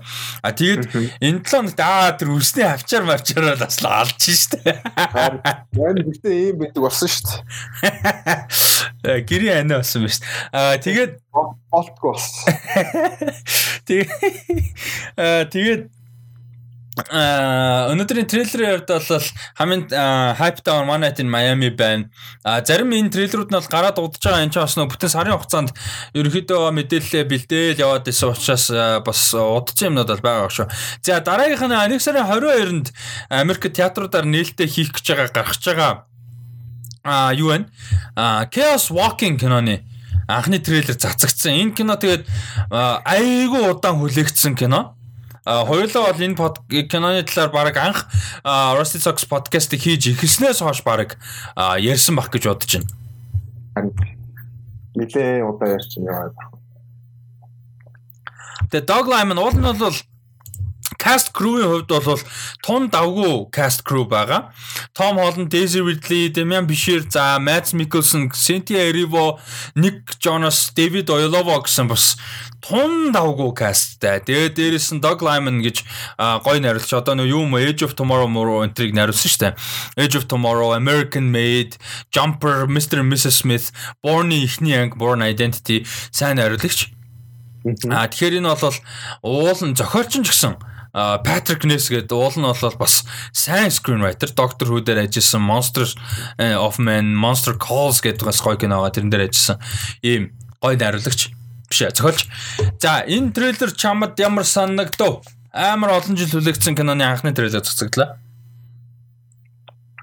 Аа трейлерын ямар байсан бэ те. Яа, ер нь бол сонирхолтой гэж хэлээ. Би бол үзнэ гэж бодож байна бодвол тэгээд дат датгаар датж авч болох үү Аа. Тэгээд трейлерийн хувьд юу мэрч юм бэ? Мэдгүй ягаад ч нэг анх хүлээжсэн excitement байхгүй болсон чинь нэг тийм үзэхэд юу байсан. Аа за за гэж өнгөрч шиг болсон. Тэгээд аа яа. Тэгээд ганц гоё юм Яг ганц гоё юм Daisy Ridley-г яг камер гар харахад ер нь бол хамгийн гоё юм дөө. Аа. Яг тэгэхээр Том Том Холланд болохоор ер нь бол кино ер нь тоглож яваад байгаа шүү дээ. Daisy Ridley хараагүй юм бодож байна. Аа. Тэгээд өөр камер харахад бол ялч байгаа юм. Би нөгөө нэг юм том фэнтези, том sci-fi кинонд амар дуртай төрөлд ер нь ийм одоо ийм агуулгын том. Яг муу муу болохтой муу болдог л та Jupiter Ascending Enter гээл те. Grindelwald те. Гэтээ ер нь бол яг ийм том fantasy том юунд бол sci-fi би айгу дуртай те. Тийм болохоор амар enthusiastic байдаг. Ямар санда тэр нөгөө нэг After Earth AE энтриг хүртэл би амар ингээд за за юу ч жоохон ч гэсэн таалагдах юм байх бах гэлтэй үдчихлээсэн Will Smith Jaden Smith те А тэгэд энэ энэ бол яг хуу каст тэгээд найруулагч зохиолч энтер нь дажгүй уран бүтээлчд болохоор бас нэг дажгүйвтер кино гарчаасаа гэж найдаад байгаа. Айгүй хайптай хайптай чашаа найдаад байгаа. Гэхдээ анх бүр байсан хайп бол нэлээд унсан яг үнэ хэлэх. Анх байсан хайп бол тэгээ Dog Limb-ны шинэ кино, epic том хэмжээний sci-fi, тэгээ Tom Holland, Daisy Ridley тэ бүр holy shit гэд А тэр хайп бол жоохон унтсан. Тэгэл агүй олон жил олон удаа хойшлогдлоо. Тэгээ дээрэс нь трейлер үзэхэд тэгээ муу гэж хэлэхгүй трейлерыг. Гэтэ нэг тийм нэг л нэг л нэг тийм гой хайп төрүүлж чадаагүй надаа. Тийм. Нэг тийм нэг тийм ингээд нөгөө нэг анханасаа анхны хүлээлт өндөр байсан. Тэгээ сүүлдээ ингээ айгүй удаан зууралдсан болохоор ингээд жоохон ээ гэд гисэн. Тийм байгаа үед ингээд нөгөө нэг одоо трейлер үзтээ яг ийм хайпт үзэж явах ингээд биш одоо сэтгэлдээ үзэж явах. Please be good. Тэг ингээд намайг үзэх хүсэл сонирхлыг ингээд төрүүлээч гэсэн хүсэлтэйгээр энэ трейлерыг үзэж байгаа байхгүй юу? Харин Тийм. Тэгэд э, энэ бол яалтчгүй аа тийм байж чадаагүй. Тэгээд дээрэс нь яг хоо энэ нэг номных нь тэгээд энэ ертөнцийн сонирхолтой юм гэх юм бол энэ дэлхий дээр ингээд нэг хин ирж байгаа. Daisy Ridley ингээд crash-ыг ирж байгаа тийм. А тэгээд дэлхий дээр ирсэн чинь дэлхий дээр ерөөсөө эртний хүмүүс үлдсэн. Эмэгтэй өнгөж байхгүй. Тэгээд бүх эрэгтэй хүмүүс бишээ ерөөсөө эрэгтэй хүмүүс үлдсэн. Тэгээд тэр хүмүүс нь ингээд нэг юм бүгд noise гэдэг юмтай болсон. Эргэн тойрондоо нэг юм сони юмтай. А тэгээд тэр нь яадаг гэсэн чинь бүгднгийнх нь бодол сонсогддог. Тэр бодол нь ингээд basically loud speakerтэй болсон гэсэн. Бодлын loud speakerтэй болсон. Тэгснэ тэгтээ бодлоо тийм битэй болгоод ах шүүлж тээ.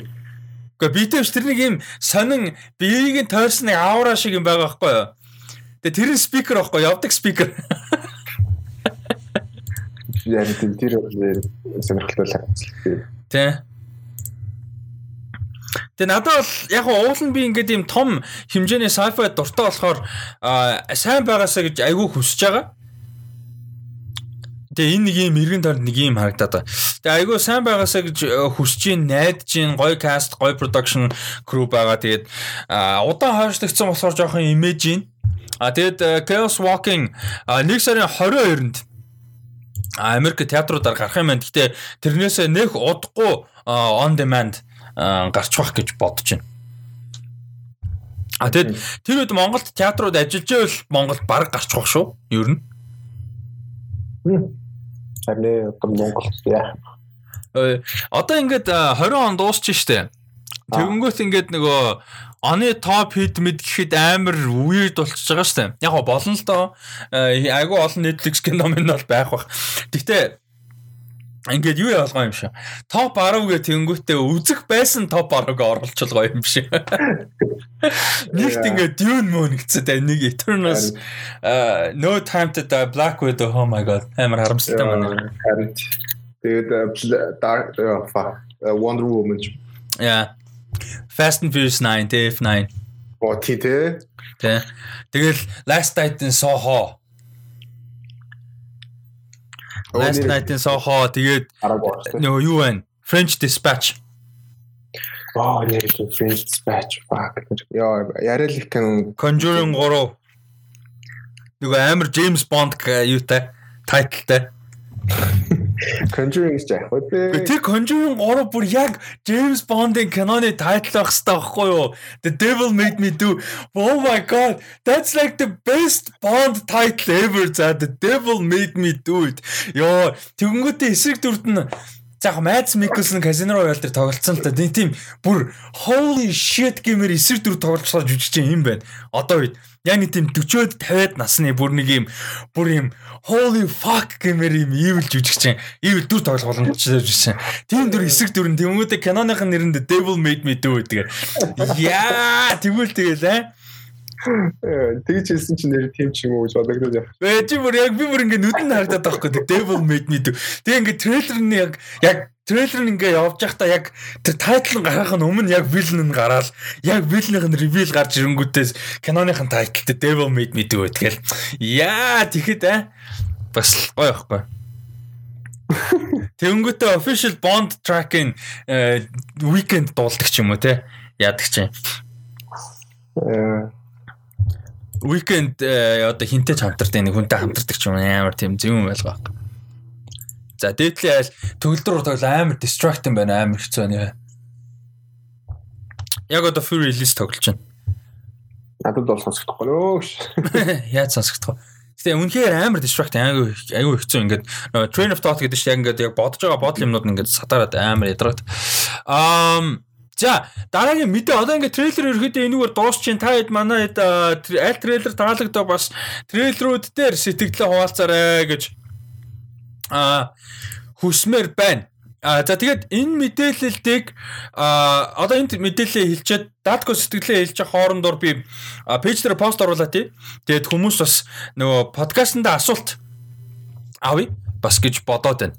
За дараагийнх нь мэдээ эхний мэдээ бол Universal Studio Scorpion King киноны ребутыг хийхээр бэлдэж байгаа юм байна.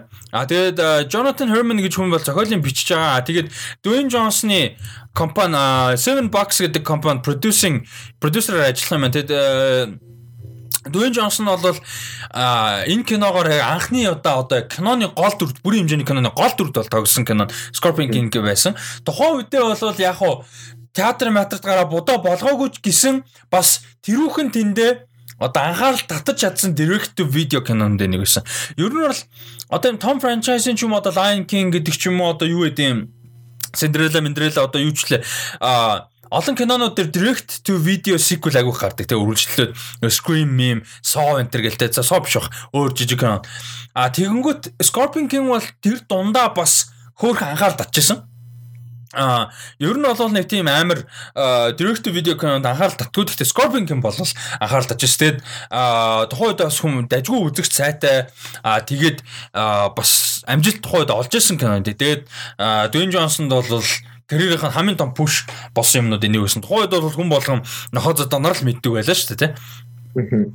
А тэгээд тал дээр юу н ямар сэтгэлдтэй байна. Яг өөрөө тоглохгүй гэсэн өөрөө гол дүрдээ бол тоглохгүй яг хуу туслах дүр тоглох магадлалтай гэж бол а ярьсан байсан. Чи юу Scorpion King үдчихсэн үү? Энэ дээр ямар сэтгэлтэй байна?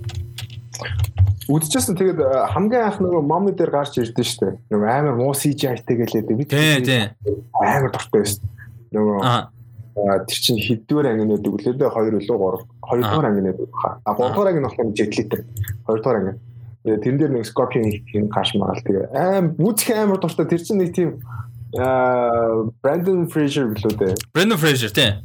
Тэрний нэг дуртай кинод нэг байсан бохгүй юу? Тэгээд тэр чинь нэг тийм Indiana Jones-тай төстэй юм шигтэй амар Яг тэгээд тэгээд дараа нь тэрнээс шалтгаалаад Scorpion King эхэлж хийжсэн санагдаж чинь тэгээд тэрний дараа хийжсэн санагдаж байна. Тийм, яг хоёрын дараа гарсан Scorpion King. Тийм. Тэгээд яг иймэрхүү фэнтези кино үзэх угаасаа дуртай ашиглахгүй тэгээд амар гоё байд гоё.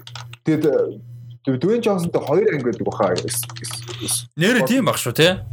Тийм. Тэгээд тэрнээс хоошоогоо болохоор нэлийн өөрчлөгдөө дахиад гарах үед бол гарсан тэгээд тэнцэн нь болохоор нөгөө Дүвэн Джонсон ямар ч холбоо молбоо байхгүй зүгээр л яг ертөнцид нь болж байгаа нэг бол залууд Scorpion King ч юм уу иймэрхүү кино best санаж тэгээд илүү би мууви талтай. Аа. Тэгээд Тэг хийх чат амар гоё. Наад ялч өөрөө бас нэг юу авах сэтгэлд нь амар тийм ойр амар хийхэд амар урамтай байгаа. Аа. Тэгээд нөө юу Hercules гэдэг нөө Hercules гэдэг нөө кино гарсан шүү дээ. Тий. Тийм амар хөөрхөн. Тий. Бол гэхдээ амар тийм дайжгүй. Тийм давгүй тий. Авгүй. Яг тэрнтэй адилхан нэг тиймэрхүү хийхэд бол Scorpion King бол ялчгүй гоё сэдвүүд нэг баха. Илүү fantasy тэгээд а одоо юу нэг тиймэрхүү кино бааваад хийх юм бол гоё юм магадгүй. Тэгээд нөгөө Condom Barbarian гэдэг гэдэг дээ. Нэг тухайн үед амар том болж байсан. Одоо үед нэг юм Scorpion King гэдэг амар юу гэж магадгүй. Хүмүүс их хурц байгаа. Ийм олон төрлийн фэнтези кинонд ялч дутагдж байна тийм. Харин тэгээд заавалчгүй тэгээд фэнтези гэхэлэр заавалчгүй тийм хийж байх хэрэгтэй шүү. Тэгээд ер нь тийм өөр ертөнцтэй. Тэгээд яг уу ийшидтэй л тийм зүгээр I mean илүү тийм гоё байвал гоёлох. Тийм тэгээд Scorpion King-ийг хийхдээ болохоор хуучин цаг үед үйл явдал нь бол болохгүй юм байна. Энд чинь бол хуучин цаг үед болдог шүү дээ. Тэгээ origin маягийн шүү дээ. Аха. Э юу бол тийхгүй юм байна. Аа reboot бол. За дараа дараагийн том мэдээ бол яг нэг сарын хугацаанд эхний хэсэг нь гараад тэгээ хоёр дахь хэсэг нь явсан хоёр парттай мэдээ байгаа. Аа юу гэхээр Johnny Depp а юу Fantastic Beasts 3-аас бол ерөнхийдөө яг халагдсан бол биш mutual agreement-ээр болсон дүрээсээ. А тэр нь бол мэдээж нөгөө нэг хувийн амьдралтай холбоотой шүүх хурал айгу том хэрэгүүд хэрэг болоод бас буу юм болж байгаатай холбоотой хуучин ихнэр нь Amber Heard-тай буу юм болж байгаас бас холбоотой бол юу яасан? Өөрөөх нь ер нь бол эсрэг хэрэг шийдэгдсэн гэх юм уу да шүүгч хэрэг бол өөрөг нь өөрөөх нь бол буруутай гэсэн талаар бол шийдэгдсэн. Тийм ч учраас ерөнхийдөө энэчнээс бол а болсон ба. А тэгээд оронд нь Mads Mikkelsen яригдж эхлээд confirmed болсон энэ хугацаанд. Тэгээд Grindelwald-ын Wald-ын дүрд би ямар ч байсан төрүүл сэтгэлээ хуваалцахад би бол амар happy байна. Би Grindelwald кино надад нэг таалагддаг. Хоёулаа угаасаа тэгээд тэр дугаарыг мэдж байгаа тий. Тэгээд алдартай дугаар. Тэгээд Гэхдээ Mads Mikkelsen яг Johnny Depp дуртай дургуй ч юм уу эсвэл тэр нөгөө нэг хууль юу гэдэг юу гэдэг те их нэртэйгээ янз бүрийн болсон энэ тэр тэр бүхнийг тооцохгүйгээр зүгээр хамаагүйгээр дан кино гэдэг талаас нь харахад л Johnny Depp хангалттай байгаагүй ерөөсөө. А тэгээд Mads Mikkelsen бол бүр бүр анхнаасаа Mads Mikkelsen байсан болоосаа гэж бодож байна би бол. Тэгээ Mads Mikkelsen бол яалч тохирохоо илүү нөгөө sinister те илүү нэг тийм evil харагдчихсан илүү харагдчихсан байна. Тэгээд угаасаа нэг тийм John Depp-тэй болоод ирэхлээр нэг тийм жоохон картуниш болчиход байл юм аа. Үүний хэлээд. Аха. Эцэгтэйс нь байд юм уу нэг бол зүгээр илүү тийм дөрүүдээ дөрүүдийг мэддэг болцсон болохоор тийм байдаг гэж магадгүй нөгөө хүлээлтэн ч юм уу нэг бол хүнийг яаж хүлээж авахаас шалтгаалаад. Гэтэ зүгээр яг сүүл нөгөө Fantastic Beasts-ийг үзээд бол яалч илүү картуниш санагдаад байсан. Би ч нэг тийм хитрүүлэгтэй ч юм шиг хүүхэлдэйн кинонд гардаг шиг. Яг нэг тийм тэгээд Mad Max гингүүт нь амар баярлсан. Тэгээд ашгүй дээр арай илүү нэг тийм юутас сүртэй тэгээд илүү юу харагдах бах, evil харагдах бах. Нэг бол зорилгынхоо төлөө юу чихээс буцахгүй шиг ч юм уу те. Тий, тий. Яаж ч магадгүй гар шиг те. Яаж магадгүй гар шиг харагдаж магадгүй. Тэгээ гоё юм нь айгүй том дав амар том давуу тал нь юу вэ гэхээр Grindelwald гэдэг character өөрөө skin change skin shifter те хүнд хуурдаг а угаасаа нэг дээр нь Colin Farrell тоглолцоо. Одоо хоёр дээр нь Johnny Depp. Тэнгүүд Mads Mikkelsen үргэлжлэх бүрэн боломжтой болж байгаа байхгүй тэр нь амар гоё. Давуу тал нь. Тэгээд character тэгээд яа тэгээд илүү гоё хийгээсэ ёо. Харин тийм ээ тэр нөгөө хин одоо болжээсэ те J.K. Rowling өөрөө зохиолоо бичиж мичгээ болжээсэ тийм болчихсон бол яг болох байгаа. Тэгээд өөрөө тэгээд оролт байнга тэгээд зугаалтад яваад байна гэдэг. Нэг юм бүтээсэн гэж заавал бүх юмыг өөрөө хийх ёстой гэсэн үг биш гэдгийг одоо Star Wars Fantastic Beasts Center харуулж байна да тий. харин J.K. Rowling юу яаж байгаа юм биш хамт энэ Steve Kloves гэж хүнтэй хамт screenplay бичиж байгаа юм байна. Deathly Hallows Part 2 дээр ажилласан юм байна. Оо эн чинь угаасаа Harry Potter franchise-ийн бүгдэн дээр нь ажилласан юм биш үү? Кинонууд дээр нь. Зөө зөө. Сонирхолтой. Аа зя. Дараагийн мэдээ. Замчлсан пост оруулсан ма жоохон байж хоёлаа асуултууд харна. А дараагийн мэдээ болохоор энэ бол айгүй гоё мэдээ яг official release date зарлагдсан WandaVision цуврал юм. Official release date зарлагдсан. За тэр бол 21 оны 1 сарын 15 гэж байгаа. За тэгээ энэ болохоор 6 ангитай богино хэмжээний цуврал. За юу гэсэн үг вэ гэхээр 6 эпизод гараад дуусна гэсэн үг. А тэгээд одоогийн байдлаар харахад Disney Plus-ын том цувралууд шүү. Том цувралууд одоо юу гэдэг а том одоогийн байдлаар The Mandalorian л байна л да. А Disney Gallery The Mandalorian гэдээ байгаа. Ерөнхийдөө анхаарал татж байгаа том цувралууд бүгдээр week to week гарч байгаа. Өөрөөр хэлбэл одоо HBO ч юм уу бусад цувралууд шиг одоо сувгийн цувралууд шиг classic маягаар яг 7-7 хоногт нэг нэг дугаар а шин эпизод гараад явж байгаа. А тэгээ WandaVision бол ерөнхийдөө тэгэж гарч явна гэсэн юутай байгаа таамагтай байгаа. Тэгээд 1 сарын 15-наас эхлээд 5 өдөр болгон 7 хоног болгон гараад дуусах нь байна 2 сарын 19-нд сүүлийн дугаар нь гарах нь байна. Nice nice. А шинэ эхлээд ямар ч байсан WandaVision үзчих нь байна. А тэгээ 21 онд Loki байгаа, Hawkeye байгаа. А тэгээд юу байгаа? А The Falcon and the Winter Soldier байгаа. Тэдрээс үлээж чинь. Тэгээд угаасаа тэгээд Disney Plus хоосон ч байгаа тэдээ байхгүй тийм. Тийм Disney Disney Plus ерөнхийдөө юу яахгүй бол одоо нэлээд анхаарал татаж а 21 онд нэлээд а юу гэдэг юм өрсөлдөөнийхөө чадварыг нэлээд нэмэхгүй бол ер нь эвгүй болох гэдэг шүү тийм харин одоо тэрний талаар удахгүй байлаа ярих бах. За өрсөлдөөнийхэн талаар тийм удахгүй ярих бах.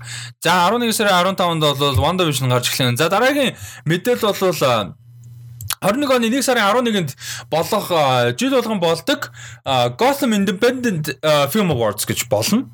Gotham шагналгаар тусалсан гэж болдог. Айгу бас чухал те инди кинонууд дундаа тэрүүхэн дэндээ бас чухал ийм фестивал бол болдгоо. Тэгээд award бол болох нь байна.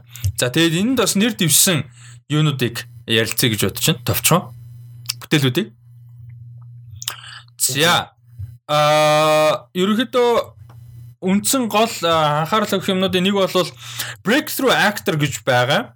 А гол одоо анхаарал хандуу анхаарал авч одоо тий мундаг гарч байгаа гэх юм да. А тэр жүжигчдийн төрөлд бол энэ One Night in Miami кинон дээр Malcolm X тогсон Kingsley Ben-Adir гэж жүжигч юу яасан байна? Нэр дэвшиж байгаа юм байна. За тэгээд а юунд болохоор шилдэг жүжигчин төрөлд бол Francis McDormand Nomadland киноноор бай киногоор байна. За нөгөө а Ли Айзек Чун гэд найруулагчийн Sundance-тер бодоо олгоод байсан кино тий айгүй олон шагнал авсан шүү дээ. За энэ Minari гэд киноны жүжигчин Юн Ю Жун гэж жүжигчин бас нэр дэвсэн юм байна. Энэ бол бас нэлээд чухал юмнуудын нэг байсан. За тэгээд Best Actor Rest in Peace Chadwick Boseman нэр дэвсэн байна. А удахгүй 12 сард Netflix-т одоо 12 сарын 10-даар байна уу. За 12 сарын 18-нд Netflix-т орох Ma Rainey's Black Bottom киноны гол дүрээрээ бол нэр дэвсэн байна. За тэгээ Jude Law The Nest киногоор байна. Riz Ahmed Sound of Metal киногоор нэр дэвсэн байна. Энэ бас айгүй гоё мэт байна. Sound of Metal гоё болоос гоё кино байгаасаа гэж айгүй хүсэж байгаа. Угаасаа сайн кино болсон юм шиг байлээ. За тэгээд энэ бас айгүй гоё. Аа Best International Feature гэж байгаа.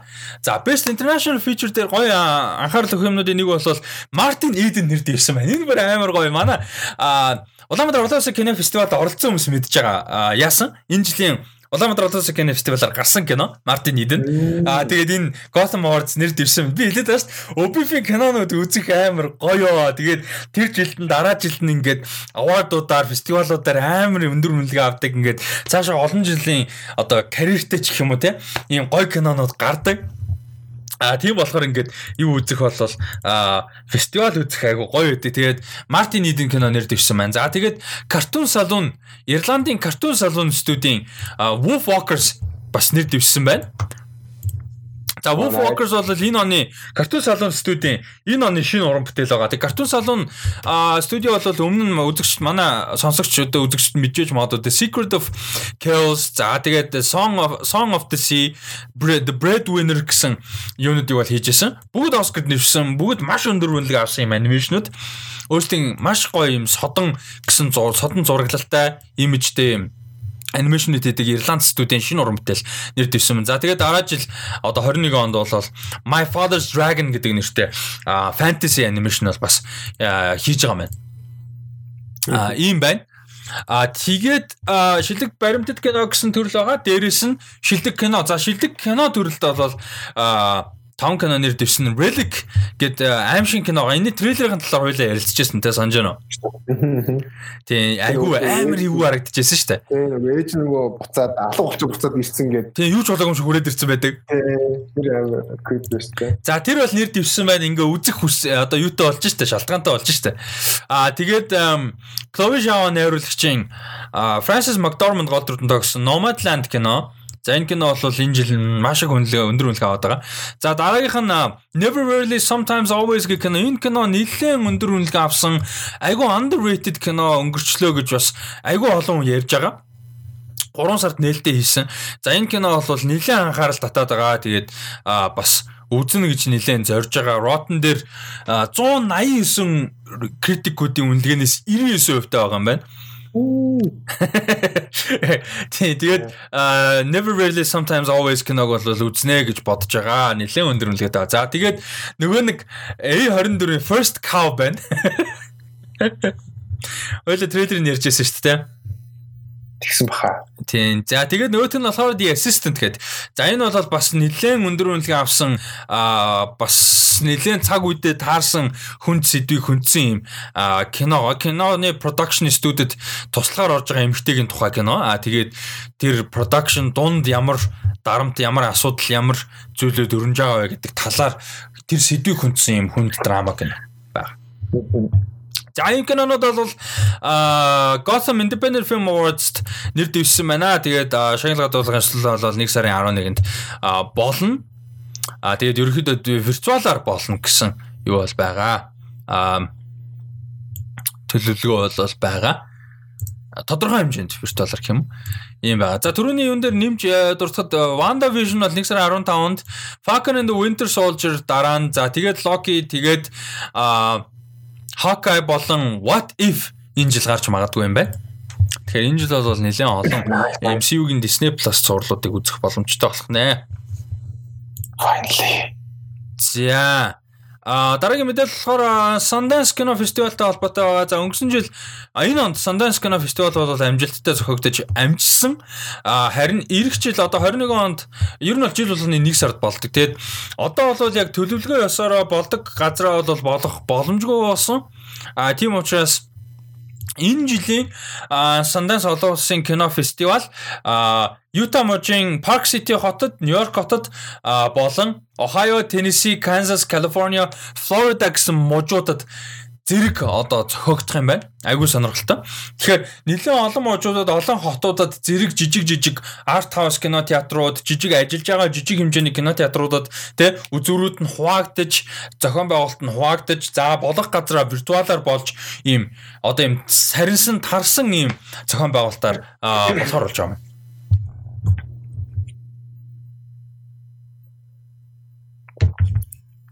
А тэр энэ бол яг нэг нэг бодлын давуу талтай гэхдээ нөгөө талаасаа бас жоохон харамсалтай тийм. Яг гоё уран бүтээлчтэн цуглаад, үзэгчтэн цуглаад яг ийм ийм атмосфер тийм фестивалийн атмосфер үүсэж хийгдэх зохиогдох боломж бол жоохон бага болж байна л гэсэн үг юм уу да. Харин. Аа.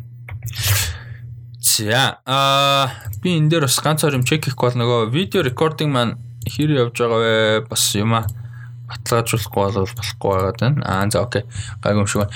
Аа Тийм байна. Тэгээд юу бол Сандас олон улсын кино фестивал бол 1 сарын 28-наас 2 сарын 3-ны хооронд үргэлжлэх нь байна. За тэгээ өнгөрсөн жил манай сонсогчдын нэг маань бол Sundance дээр бас очиод Minari киноны талаар агуугай мэдээллүүд яг тухайн үед нь хөрвжсэн хуваалцажсэн санагдаж байна. За тэр киноноос нэр дэвшсэн явж байна. Gotham Award-д. За. Дараагийн мэдээлэл. За энэ айгүй сонирхолтой мэдээлэл. Ястой ястой сонирхолтой мэдээлэл. Энд дэр чиний сэтгэлийг төрүүлээ сонсоё гэж бодож байна. Аа Molyneux Sisters гэж одоо уран бүтээлчд зохиолын бичээд Deadpool кино үргэлжлэхээр болж байгаа юм.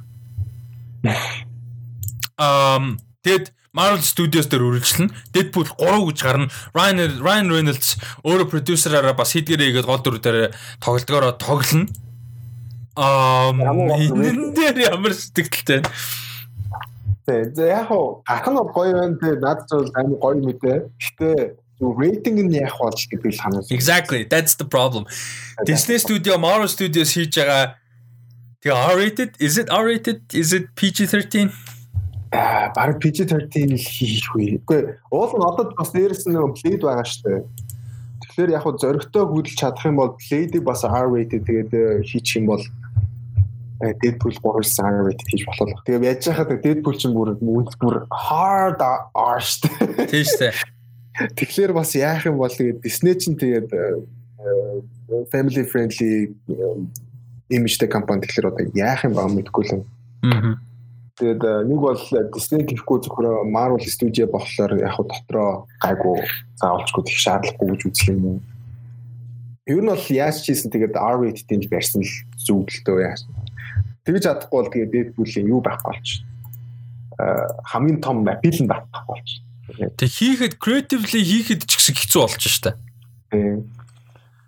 Тэгэхээр сонирм маань Blade Deadpool 2 дээр яаж ажиллах уу гэдэг яалтч айгүй сонирм маань. Тэгээд Deadpool одоо Fox 20th Century Fox Studio гэдэг нэртээс одоо зүгээр 20th Century 20th Century Fox Studio алдаа мадаг ихтэй байсан гисэн бас X-Men franchise а тэр тулахаараа бас айгүй зөв ажилласан юмнуудын нэг нь хэдийгээр муу юмуд хийжсэн гэсэн зөрүүлээд бас риски зөндөө байсан шүү дээ. Логон дээр те Deadpool дээр Deadpool-ыг анханаас нь хийх нэгээс нь хийсэн нь өөр амар том риск байсан.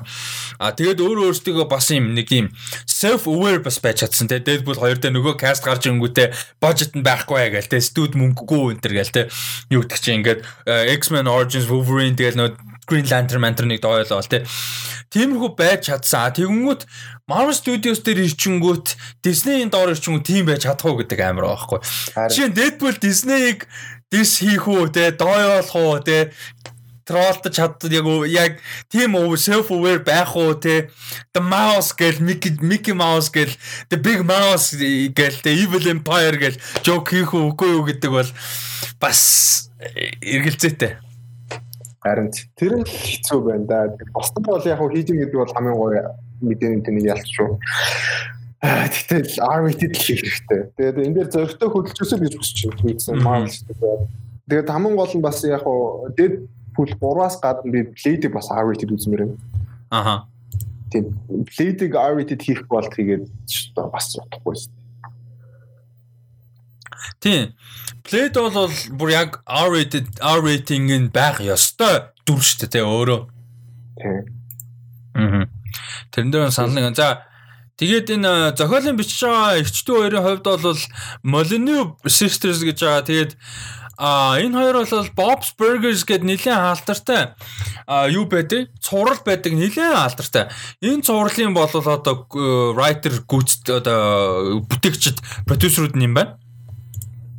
Тэгээ энэ Bob's Burgers болохоор нэлээд юм бас нөгөө юм social commentaryтэй амар дооёосон амар comedic нэг нөгөө нэг одоо Family Guy, South Park одоо юу гэдэг Rick and Morty энэ төр байдаг шүү дээ. Яг тийм нөгөө нэг гоё comedic-ээр тэр юмнуудыг хөндөж чадсан нэг юм гоё energyтэй гоё energyтэй гэдэг нэг юм energetic шүү. Тим бас цуврал Bob's Burgers гэх нэлээд алдартай. А энэ цувралын гүйцэтгэх продюсер юунууд юм байна? Writer-ууд юм байна а үндсэн креатор биш юм биш үү. А гэхдээ ер нь бол нэлээд гол writer producer юм байна. Тэгэхээр бас яг ийм нийгмийн сэдвийг нийгмээ дооёолсон юмнуудаа комедик маягаар харуулсан те шүүмжилсэн, далжгансан нэг тиймэрхүү юмнуудыг бол гоё гаргаж магадгүй юм шиг байна. Тэгээ satire тэгээ нэг тиймэрхүү юм хийж чаддаг хүмүүс тэгээ Deadpool-ыг хийж найз чинь тэгээ байгаа. Тэгээ Bob Burger Bob's Burger үздэг хүн байвал тэгээд аим бүр аим хайптай байгаа хаа. Аа. Тэгээд угаасаа юу юм шиг байлаа шүү дээ. Хүмүүсийн бүр амар хайртай цуглууд нэг юм шиг байна. Аа. Дан яригддаг тэгээд шилдэж best animation гэдэг хайхлаар угаасаа тэгээд ер нь дунд нь явж идэм дөө. Нөгөө бас нөгөөт нь болохоор BoJack Horseman л. Тийм BoJack Horseman. Энэ хоёр ер нь нэлээд сайн үзүүлэлтэл байгаа. Үзэж байгаагүй хамгийн харамсалтай юм нь тэгээд үзэх хичээнэ. За. Аа, за энэ бол бас айгу гоё сонирхолтой мэдээл. Дараагийнх нь жижигхэн жижигхэн хитэн кастинг мэдээлэлүүд хөлөө ярьчих тий. Жижигхэн жижигхэн мэдээнүүд гэс гэс ярьчих. За дараагийн мэдээ бол а The Morning Show season 2 нэгдүгээр хийгдгээр болсон тий. Хин а Jennifer Aniston, Reese Witherspoon, Steve Carell энэ гэсэн жүжигчд а бол тоглолдог. Нилээн бас Apple TV Plus-ын ер нь яг launch хийсэн нилээн хэдэн цувралын одоо дажгүй үнэлгээ авснуудын нэг тийм ер нь бол за тэгээд тэр шоуны season 2 дээр манай Хасан минь хааш орж ирэхээр болсон байна. Тэгээд манай хүн бол орж ирээд энэ нэг юм charismatic rising star гинэ. Тэгээд энэ нөгөө нэг morning show одоо нэвтрүүлэг те шоуных нь баг бүрэлдэхүүнд шинээр одоо орж ирж байгаа Eric гэдэг залуугийн дөр тоглох юм байна. Nice nice. Тэгээ би бүр амар баяртай. Би бүр ингээ хаасан минь хааш яг юм бүр яг morning show бүр яг яг мань хүний шийд байхгүй юу? Бүр яг мань хүний шийд байхгүй? Бүр яг таасан амар гоё бүр айгуу гоё. Би бүр morning show үзсэн юм уу те? Гэхдээ би morning show үзээгүй зүгээр агуулга нөгөө нэг одоо хүндж байгаа сэдв нөхцөл байдал character-ууд нь ямар одоо нөхц одоо юутай агуулгатай вэ гэдгийг мэдж байгаа талаас нь ярьж байгаа байхгүй юу. А тэгээд яг жоохон хүндэлтэй комедик шоу бол биш л те. Хүнд драма талдаа дээ. А тэгтээ зүгээр яг тэр нөхцөл байдал нь яг бүр ингээд бүр world нь яг мань үний шийд байхгүй. А тэгээд би бүр яг одоо яг the morning show-ыг яг нөхөж үзэх гэсэн амар хайптай байгаа. Яг манай season 2 дээр орж ирнэ гэж бодонгууд бүр яг fuck үзнэ гэж бодцоо. Яг тийм амар fun show биш баг. Угаас амар хүнд сэтвтэй хүнд драма яг фан юм байгаа элемент гэхдээ ерөөдөө драма шүү дээ. Тэрийг бол мэдж байгаа гэхдээ амар хайптай. Nice nice.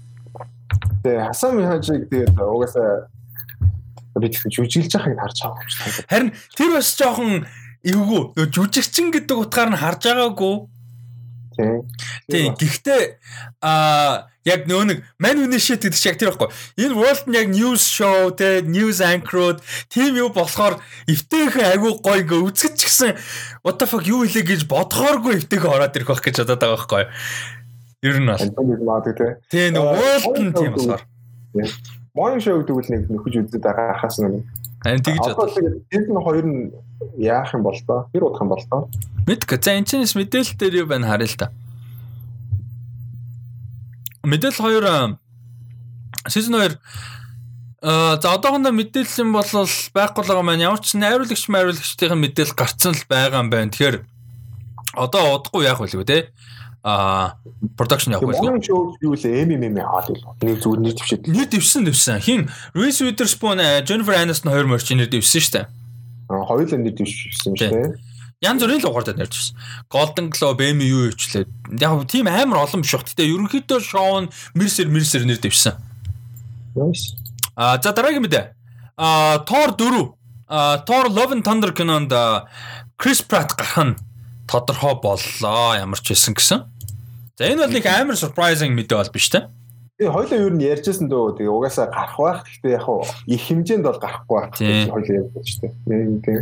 Нөгөө нэг Ragnarok дээр Doctor Strange шиг ч юм уу үсрээл. Тий, тий. Үсрээл тийм хэмжээнд баг. Нэг сүртэй тийм дөрөв мөр том дөрөв байхгүй л. Тий, зүгээр нэг нэг комедик ганц хоёр шин явах л баг. Аа, арь тий. Тэгээд хамгийн том ер нь бол тэгээд каст ч тэгэл юу үстэй Christian Bale Natalie Portman. Natalie Portman. Тэр нөгөө Natalie Portman нэг ярьцлага байсан. Нөгөө хинээ Chris Hemsworth-ийн нөгөө бэлтгэл хийж байгаа. Аа. Тэгсэн чи би хажууд нь яг имиж шиг харагдах хаа гэж. Нөгөө нь амар том болчих болчих амар том. Тэгээд манай торч нь турах юм шиг байлаа шүү дээ. Тэгээ торч морох, буцаа торч мороод бакмак болж болоод. Тих бах. За дараагийн мэдээлэл нь Hawkeye. Ойр чимээгүй байсан Hawkeye зураг дээр кастинг мэдээлэлүүд гарсан. За гол дүрд нь болол мэдээж Jeremy Renner Hawkeye-га дүрдээ. За дээрээс нь яг энэ шоуны co-lead дүр нь бол Hailey Steinfeld жүжигчний тоглож Kate Bishop гэдэг дүр байгаа. Энэ дүр бол яг үндсэнд бас лид гэж явна. Хоёр гол дүрийн нэг гэж явна. Аа тэгээд ерөөхдөө Hawkeye гэдэг нэр тайтлыг бол өргөжлүүлж авч явах дүр гэж бол айгүй хэрэгдэад байгаа шүү дээ. Тийм. Угаасаа ч нөгөө комик дээр тэгдэг болохоор. Тийм. За тэгээд Kate Bishop-ийн ээжийнхэн дүрд Vera Farmiga тоглоор юм байна. Awesome cast. MCU-д Vera Farmiga орж ирж байгаа нь awesome. Айгүй гоё жүжигч юм. А тэгээд бас нэг том юм нь болохоор Black Widow кинон дээр одоо шинээр орж ирж байгаа дүр байгаа те. Елена хин блэ? Дүр байгаа. Елена Белова гэдэг. Энэ дүр болохоор нөгөө Florence Pugh жүжигчин тоглосон манай Temka-гийн favorite жүжигчин. А юу Florence Pugh. Тэгээ Florence Pugh-гийн Елена гэдэг дүр Black Widow те. Энэ Black Widow нь орж ирэх юм байна. Hawkeye дээр. Nice, nice. Бас энэ бас айгу гоё юм мэдээ байна. MCU-гийн одоо ингээд а Disney Plus сурлуудаар ингээ том дөрүүд нь crossover-ыг ороод ирээд байна шүү дээ. Black Widow дээр орж иж байгаа дүр шууд ишиг одоо ингээ Hawkeye дээр ороод ирж байна. Аа юу гэдэг а нөгөө нэг Ant-Man-ы туслах Ant-Man дээр гардаг туслах дүр, Captain Marvel дээр туслах дүрүүд жишээ нь WandaVision дээр орж ирж байна те. А хин Zemo Falcon and Winter Soldier дээр орж ирж байна гэдэг ч юм уу. Sharon Carter бас тий. Тэгээ ингээ явангууд чамд ямар өөр MCU-гийн дөрүүд яг юм юу руу ТV руу орж ирвэл гоё байна. Ямар цуврал дээр бас. Disney Plus. Манай үзэгчд бас сонсогчд бас сэтгэлээ олцаар дэрэн дээр. Аа за зөө Юу Florence Pugh орж байгаа гэхэлэр нөгөө юу хин нөгөө Red Guardian бас орж ирвэл амар фан гэж байна. Чи. Аа. Тэг тэгээд өөрчдөө том дөрүүд Rudy бас байвал бас фан байх. Хин гинэ? Rudy. Аа Rudy yes. Тийм. Угаасаа тэгээд нэг том дүр биш болохоор тэгээд фан байх. Тэгээд амар тийм дали Rocket Raccoon орж ирэх юм бол амар фан байх байна. Хамаг юм утгыг алдуулаа тий. Тэгээд утгыг алдуулж орж ирвэл нэг тийм тэр бол амар гоё байх. Тэгээд Rocket Raccoon тэгээд заавалчгүй нөгөө бас том жүжигчдийг нь авчаад шаардлага байхгүй л үү. Шинэ дуу оруулалтын юм билээ дээ. Bradley Cooper. Bradley Cooper. Тийм Bradley Cooper заавалжгүй тэгээд дуу оруулах шаардлага байхгүй. Тийм болохоор нэг тийм Rocket Bradley Cooper-гүйгээр Rocket биш ээ. Тэгээд яг хөө зүгээр нэг тийм мөнгө заахгүйгээр нэг тийм CGI дөрүүдийг оруулж ирэх юм бол болох. Аа тийм бах. Гэтэ тэр утгаараа бол тий. Тий, тэр утгаараа бол. Яг хөө Bradley Cooper биш болж яг утгагүй болчихно л да ялч. Сон тий Rocket бүр ингээд амар distinctive character шүү дээ. Бид нэр CGI character гэж боддгоо те бүр амар distinct character. Тэгээд бид нэр ерөөсө Bradley Cooper толгонд буудгоо те. Bradley Cooper угаасаа хоолой нэг тийм яаж Rocket руу оруулах юм. Тэгээ тэгсэн мөртлөө Bradley Cooper гүүгээр Rocket бол байна гэж байхгүй. Амар сонь те. Айгу гоё дуугаар бүр айгу гоё character-ыг ингэж өөртөө гоё яачаадсан. Одоо шин Groot дээр бол хэн байх шээ Vin Diesel байх шаардлагагүй байхгүй юу? Ер нь бол. Тий, ерөнхийд нь өөр хүн байхад болчихно. Тэр үхэн дэндээ. Тий. Тэнгүүд Rocket жоох хэлсэн. Тий. За тэгээд Hawkeye-ийн гоё мэдээлэл байна. Florence Pugh А Vera Farmiga хоёр болол орж ирэх нь байна. За тэгээд дээрэс нь нэлээд хэдэн шинж жүжигчд орж ирж байгаа юм байна. Frafi за энэ Tony Dalton, Lacqua Cox, Zan McLaren гээд жүжигчд орж ирж байгаа. Тэгэд бас гоё юм юм мэдээлэл гэхэд энэ Zan McLaren гэж жүжигчин болохоор уугуул одоо уугуул гаралтай жүжигчин А энэ хин ч гэсэн энэ Alaqua Fox гэ Cox Zan McLaren хоёулаа уугуул гаралтай жүжигчд. А тэгээд энэ Zan McLaren нь юун дээр Westworld үздэг хүмүүс маань мэдчихэж магадгүй. Akijita гээд амар амар мундаг дүр гарсан баггүй season 2 дээр. Бас уугуул хэрхэн дүр. Тэр дүр тогсон жүжигч. Akijita-гийн дүр тогсон. Akijita Akijita-гийн тухай гардаг эпизод угаасаа амар мундаг. Westworld-ийн хамгийн өндөр рейтингтэй эпизодууд энийг. Тэгээ Westworld үзчихсэн хүмүүс бол угаасаа шууд Akijita гэхээр шууд мэдэх бах. А тэгээд тэр дүрт тогсон жүжигч бол бас MCU-д орж ирж байгаа маань which is nice.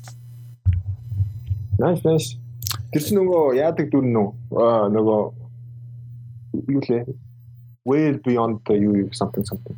Тэгээ тийшээ явцдаг ч үлээ яадаг ч лээ. Нэг тийм дүр юм шүү. Гой дүр. Аа за дараагийнх нь болохоор бас жижигхэн мэдээ байгаа Space Force гэдэг Netflix-ийн зурлаг гарсан. Миний амьдралдаа яг actual Netflix дээр үзсэн анхны зураг яг actual Netflix дээр яг actual Netflix дээр анх удаа үзсэн юм Space Force байсан. А тэгээд надад айгүй таалагдсан Space Force айгүй гоё fun байсан. Айгүй тийм хөөрхөн гоё зурлаа шүү дээ. А Space Force season 2-ыг бол хийхээр болсон байна which is good гоё мэдээ. А тэгээд Norm Hiscock гэдэг writer болоо шинээр нэмэгдэж орж иж байгаа маань ко ко ко showrunner болж орж ирж байгаа юм байна. За маань хүн бол Parks and Rec дээр ажиллаж исэн юм байна. Brooklyn Nine-Nine дээр ажиллаж исэн юм байна. Oh nice nice. Тийм. Гоё хүн орж иж байгаа юм. Тийм байна. King of the Hill гэх бас сурал дээр ажиллаж исэн юм Канад writer юм байна. За энэ нэг юм гоё мэдээ байна. За энэ дараагийн мэдээ болохоор манай бас Space Force үдчихсэн ба сэтгэлээ хаалцараа ямар хуу цуурлаас ямар санагдсан. Даадгүй үдэж амжсан уу? Үзсэн шүү дээ. Яг гарахт нь ер нь орог хоёул хамт үзсэн багтнаа. Аа тийм л үү. Оо окей, sorry би тэгж аван шууд амар халасаа дараа мэдэр үзсэн. Space Force тэгвэл би аван нөгөө I just assumed you haven't watched it. I'm sorry. Аа зүг зүг. Аа. Надад амар таалагдсан. Ялч юу тэгээд хүмүүс зарим нэг хүмүүс таалагдаагүй би бол гайхаад ойлгоогүй. Аа. Space Force бол ялч яг нөгөө нэг дүр байсан шүү дээ. Нэг аа social media-гээр хариуцдаг. Тий, тий, тий, тий, тий. Тэр жоохон ядаргаатай шүү. Яа яа тэр ядаргаатай тэр байсан. It was too much. Тийм. Түүнээс биш бол гоё юм ялцчих. Аха. Тэр охин бохныхын дүүр мөрөнд яасан ч хөөрхөн. Тийм. Ер нь айгу гоё зурлал байсан тийм. Тэр нөгөө нэг амар содорн цэрэг байдсан шүү дээ нөгөө охинтой нь бол яриад байдаг. Тэр амар яриадтай тий.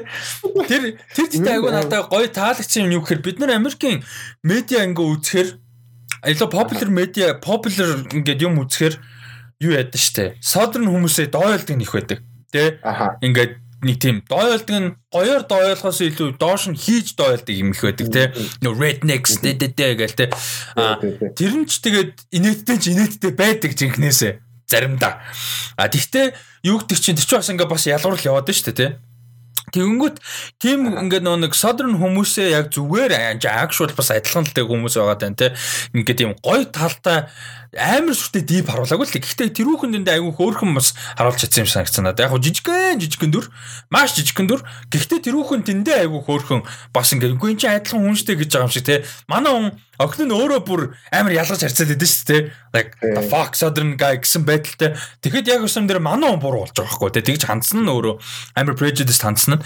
Тэгээд тэр нь бол жижигхэн ч гэсэн жижигхэн story-ны жижигхэн хэсэг ч гэсэн надад айгүй таалагдсан. Ялч амар хөөрхөн. Тэгээд амар инээдтэй тэр нөгөө аа манай commander нөгөө тхиу сарн дээр очсон шүү дээ. Тийм. Тэр хэсэг хэсэг бүр амар инээдтэй байсан. Юу гэдэг вүлээ? Сар дээр буунгуудаа тэнэгдэж өгдөө штэ. Тийм тийм тийм нөгөө үг бэлж. Тэгээ одоо мартчихжээ. Тэгтээ амар инээдтэй тэр. Тэр амар. Тэгээ тэр нөгөө нэг Жими хим блэ? Жүжигчэн комедийн stand up Аз scientist нь тоглолдог. Аа тий тий тий. Тэр нөгөө капитан эмхтэй тэр хоёрын chemistry бүр амар гоё те. Тэр амар хөвгөлтэй байсан. Тэр хоёрын chemistry бүр амар гоё. Ер нь үзэх хэрэгтэй. Тий, ер нь гоё гоё. Space Force айгу гоё.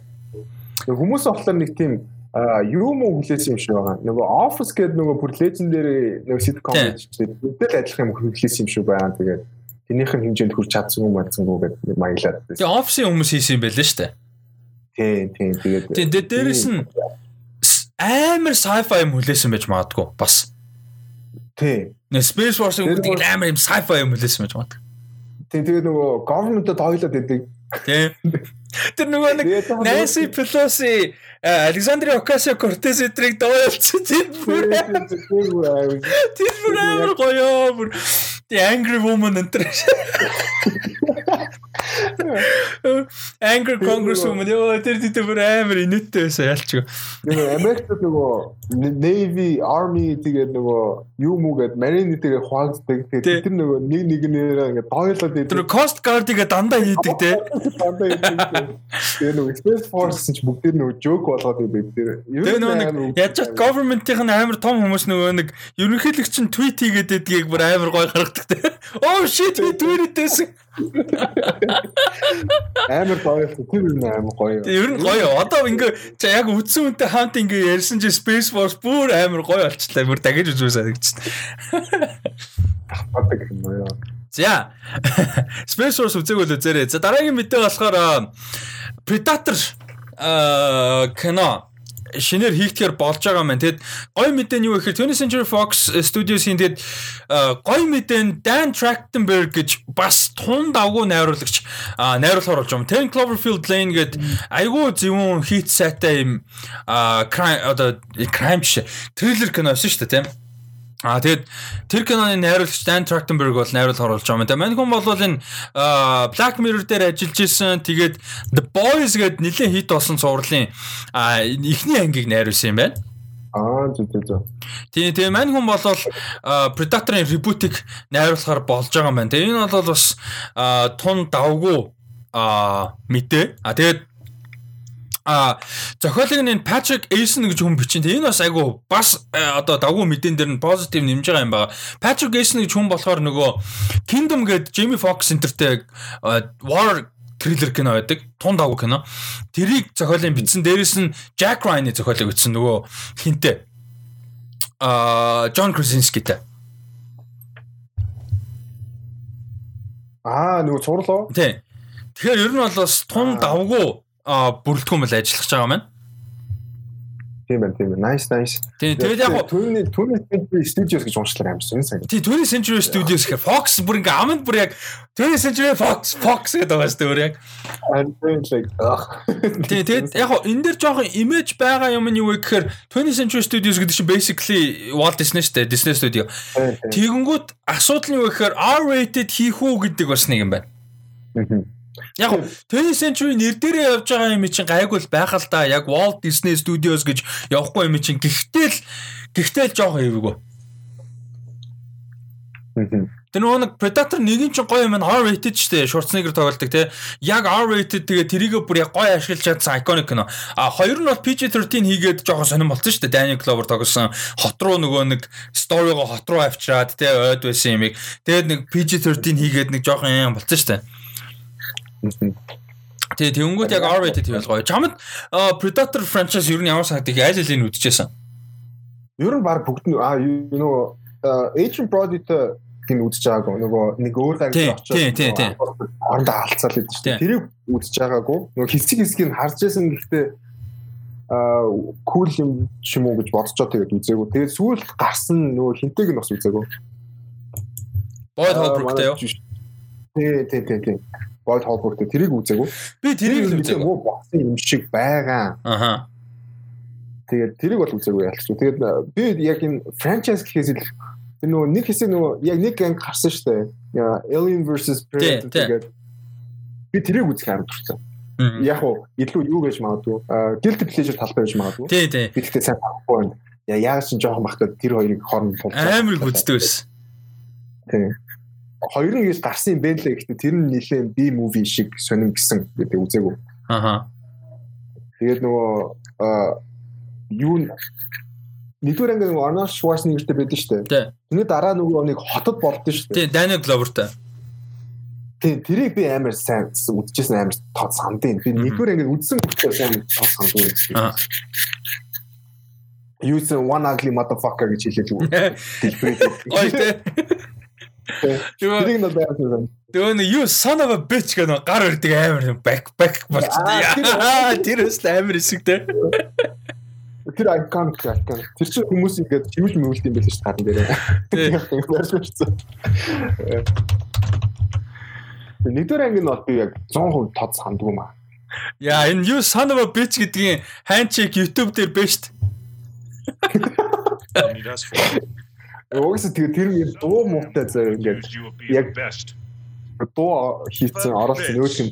Аа тасрага шүү. Яа энэ гар марнууд нь одоо юу юм бэ? Карл Ведерс бас гоё хэлээ гэхдээ манаа. Тэгээд наад үе чинь л юунуудыг амар хүзээд байгаа да. Акшн кинод юу юм үзэж чинь да. Карл Ведерс ч одоо Мандалорин дээр гоё байгаа шүү дээ. Тийм тий. Тийм. Айгуу гоё явж байгаа. Тэгээд жүжигчний өв дээрээс найруулагчаар ажилласан. нэг эпизод найруулсан шүү дээ бүр. За Predator би бол яг тэр сүүлд гарсан Boyd Holbrook-тэйг л үзээгөө бусдын бүгдийг нь үзчихсэн. Alien vs Predator 2-ыг ч үзсэн. А тийм үү? Тийм. Тэгээ одоо нэг Easter egg мэг гэл манайс ч одоо нэг DC Marvel одоо юу гэдэг а Pixar ч юм уу те Pixar-ын канонууд хоорондоо нэг universe биччихсэн ингээд Easter egg-үүд. Тэр шиг ингээд юмнуудыг бол амар одоо юу гэдэг байдаг л болцсон шүү дээ тий. Гоё ч гэсэн. Тэнгүүт яг тухайн үедээ амар big deal байсан юм байгаа хгүй. Тэр юу вэ гэдэг нь Predator 2 дээр Дани Гловерт. Тэрэн дээр манай нөгөө нэг ship дээр нь очсон шүү дээ. Хөлөг онгоцсон дээр нь. Санаж байна уу? Тэрэн дээр ингээ очсон чинь Predator-уудын яг universe world building явж байгаа хгүй тэрэн дээр. Тэгээ ингээ тэр бол ингээд галактикаар аялж одоо энэ тэнцтэй олон гариг олон өөр амьтадтай тултаж ингэж явж одоо юм трофи цуглуулдаг амьтад юм байна гэдэг ойлголтыг өгч байгаа. А тэр дунд нь нөгөө Alien-ийн толгой байж байгаа. Тэгээд тухайн үедээ тэр бүр амар юм болж исэн гэдэг бас яг тухайн үедээ бүр яг ийм нөгөө шал хоёр өөр киноны те ингээд холбосон ингээд тухайн үедээ бүр holy shit энэ бүр ингээд predator alienуудыг хант хийд юм байна мэн ингээд 80-аад онд бүр 90-аад онд амар юм болж исэн ингээд юм байлаа. Тэг. Гэхдээ яг хуу тэгээд тэрийг тэгээд covenant энэ тэр юм тэгээд байхгүй болох. Тэг яг хуу тиймэрхүү юм болоход бол босно. Гэхдээ тэгээд Alien versus Predators is a thing. Like, you know Тэ хоёр кино байгаа юм чинь. Тий. Тэр гоё шүү дээ. Ер нь нэгдүгээр анги гоё. Би хоёр нь үзээгүй хийх мэдэхгүй. Гэтэ би бол амар үзэх дуртай. Би хоёрыг нь сайн муу ямар байсан санахгүй. Гэтэ нэг бол амар guilty pleasure байсан. Тэр төгсгөл мөсгөл нь амар шүү дээ. Тэг гоё шүү дээ. Тэр нөгөө тэр Queen гарч ирээл нөгөө доорс нөгөө мөс цөмөл гарч ирээл хөөжмүүдийг хэлсэн бол амар шүү. Тэр чинь яг бүр ultimate яг fan fiction fantasy байхгүй юу? Тий, тий. Тэгээ нөгөө гурван нөгөө predator ирээл тулдаал гэдэг. Тэгээд нэг амар кул маск заасгтай. Тий. За. За энэ болохоор сүүлд гарсан нэлээд том мэдээлэл ерөнхийдөө кино урлагийн салбар, entertainment салбарт бас нэлээд одоо тэгээд би яг Instagram дээр яг маньхон пост ихт нь яг тэр дор нь яг тэр үед нь Instagram ингээ орсон чинь яг энэ постыг харж таарсан. Аа 1 минут ago гэсэн байсан. Тэгээд уншаад л окей за this is big тэ ингээд нэлээд ач холбогдолтой юм болоо доо гэж а яригдчихсэн. За энэ бол Хүмүүс юугаар мэдэх вэ? X-Men franchise, Juno гэдэг кино, за тэгээд Umbrella Academy энэ гээд кинонууд тоглосон бас нилээн high profile жүжигчин Ellen Page бол одоо ингээд яг transgender man болж байгаа босон гэдэг idea юугаа бол ингээд зарлж яг коммент хийсэн байна. Тэгээд мань хүн бол одоо Elliot Page гэж явах нь бол зөв. За тэгээд Elliot Page бол яг яг энэ мэдээлэлээ оруулаад юу босон ямар одоо сэдвүүнд ч ерөөхдөө трансгендер хүмүүстэй бол холбоотой нийгмийн талаас асуудал маш их байгаад байгаа тий. Ялгуурлал маш их байна. Violence хамгийн их байдаг тий. Амир стик хүртэл одоо хүмүүсийн гарт амир стик хүртэл нөхцөл маш их гардаг тэгээ дээрэс нь А тэр бол ингээд юу гэдэг шүүх хууль талаасаа ч гэсэн ач холбогдол баг өгдөг гэдэг ч юм ийм сэдвүүдийг сүнсэн байсан. Тэгээд өөрөө бол яг ингээд Elliot Page гэдэг одоо хүн байна тий ингээд би бас transgender man ингэж гарч иж байгаа гэсэн мэдээлэл бол хийсэн байсан. Тэгээд энэ бол яг entertainment мэдээллүүдээр угаасаа бүгдээрээс нь бүгдээр нь явсан ийм бол байгаа. А тэгээ мань хүн бол одоо бол их нэртэй гэж ярьж ер нь бол их нэртэй те Эма Портнер гэж жүжигчин бүжигчин бас эмэгтэйтэй бол сууж ирсэн. Тэгэхээр энэ дээр яг хуу тийм иймэрхүү байна. Энэ дээр юу гэж бодож байна? Ямар сэтгэлтэй байна? Яг хувь хүний юм дээр зүгээр яг нийгэм хүлээж авч байгаа талаас шүү. Тэгээс хувь хүн дээр чи битэрийн сэтгэл ямар ч хамаагүй. Тэр хүн бол transgender man fine. Тэгэл болоо. Одоо Page-тэй уус тэр нэг амир аа зүг буруу гэх юм байна. Тийм биш зүгээр яг нийгэм талаас нь яг ингэж нөгөө тийм паблик гарахаас өмнө юун дээр аа Canon Umbrella Academy дээр нэг тийм team wife-тай байсан бохгүй юу? Тэгээд Элен Пейж чинь юу илээ гэдэг яг тэрний дараа хайж ирсэн Элен Пейж нөгөө өөрийгөө яаж identify хийдэг үлээ гэдэг. Аа. Тэгээд тэгсэн чинь үгүй үлээ. Тэгсэн чинь яг ингэ гараад ирсэн чинь яг окей окей that makes sense. Аа. Гэхдээ яг аа яг үзэгчдийн хувьд яг яаж хүлээж авах би сайн мэдэхгүй байна. Ер нь хүмүүс нээлттэй хүлээж авах ёстой. Ер нь бол ямар ч тохиолдолд угаасаа. Гэхдээ яг сайн хэлж мэдэхгүй. Анга ер нь бол гоё позитив хүлээж авах хэрэгтэй юм байна тий. Тий, ер нь бол тий. яг гоё хэлж аваад тэгээд move on with your life гэдэг шиг тэгээд аа за тэгэл Аа. Гэтэ яг хөө тэгээд нөгөө интернет троллууд байна. Тэгээд хэцүү нэш байна. Гэтэ яаж ч ингэдэг нэг тийм зарим нэг а мемнүүд юунууд жокууд бас инээдтэй байгаад байгаа маа. Like амар хэцүү заа ингээд хов хүнлүүн халтж байгаа биш тэ эний чи ингээд амар respectful гой хүлээж авч ийн л та. Ихэнх хүмүүс ч бас тэгжэл. Тэгээ зүгээр ингээд зарим нэг жокууд амар инээдтэй байх. Одоо чинь эмо партнер ихнэрийн ярьж байгаа байхгүй. Маньгүй уул нь ижил үстэй. Тэгээ тэгш чи ингээд ижил суусан чи нүүд нь эрэхтэй. Like what the fuck man. Тэргүй жокууд нь like амар яг уу Probably it's a little bit offensive, but I can't lie, it's funny. Was яг хөө тэгж бодож болохгүй л дээ. Тэг дөнгөд нөгөө like what the fuck man.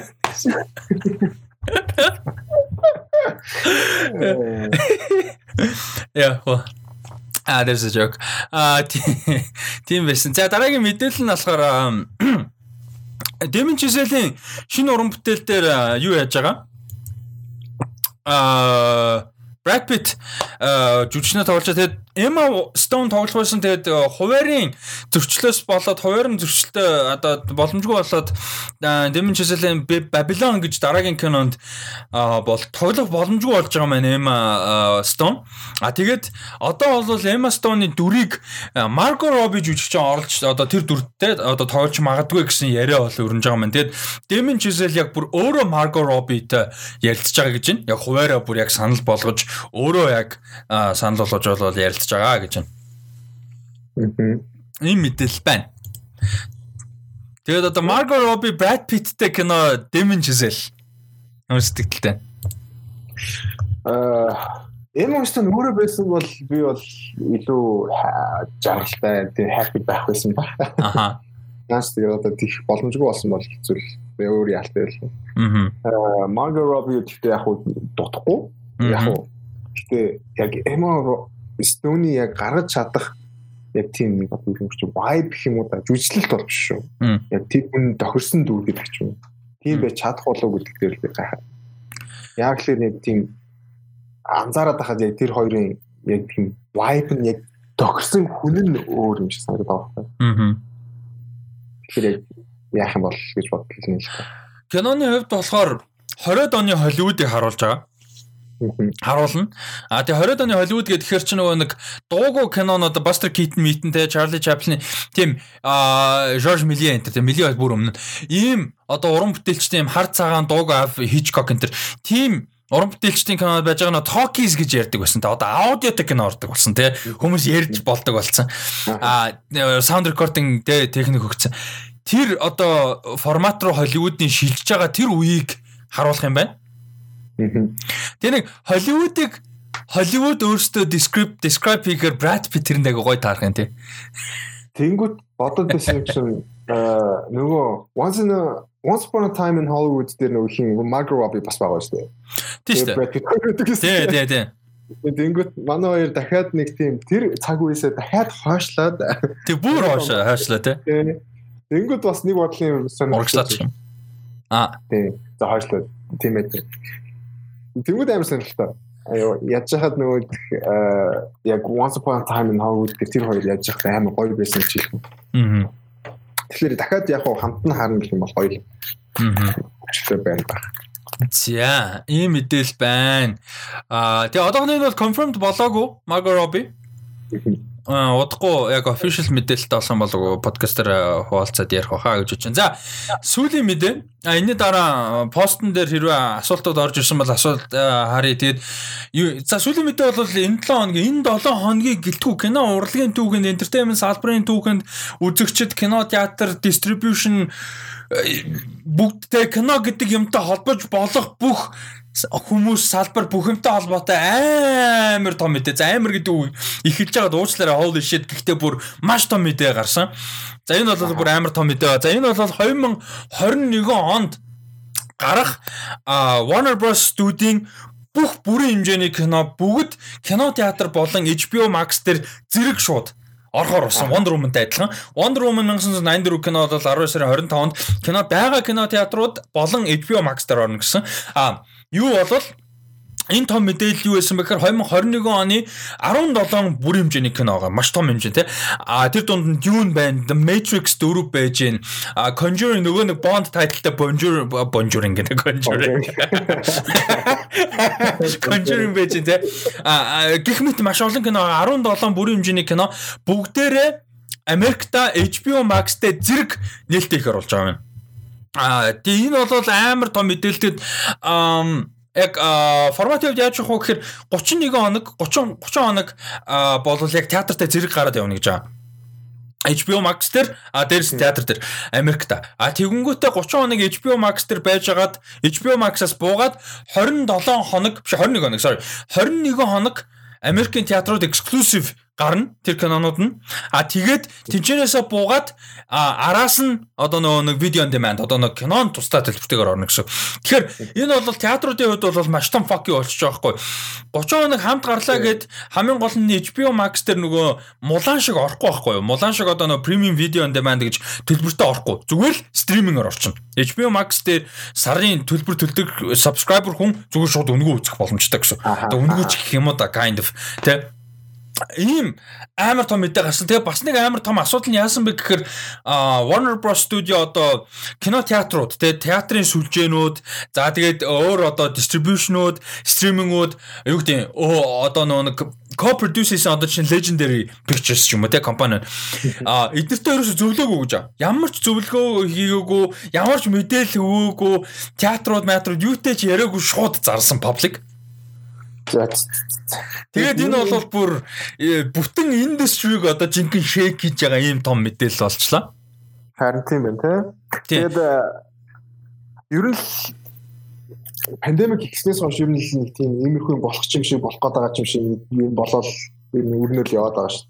Одоо жишээ нь удахгүй нэг хэд баг 2 7 хоногийн дараа ихэд Сөүл одоо юун дээр гарах чинь Disney Plus дээр гарах чинь Pixar-ын юм аа. Тэг яг уу Одоо ингээд яг одоо пандемик дунд гарч байгаа кинонуудыг бол тэрийг ойлгоод. Гэтэ бүтэн жилээр киногоо шууд слейтэ бүгдийг ингэн гэдэг. Дээрэс нь ямар ч өмнө нь холбогдож яригдахгүйгээр шууд ингэж зарлана гэдэг нь амар бигдэл байгаа байхгүй. Яг хуу монголчуудын хувьд болон бусад орны хувьд бол яг HBO Max зөвхөн Америкт ажиллана.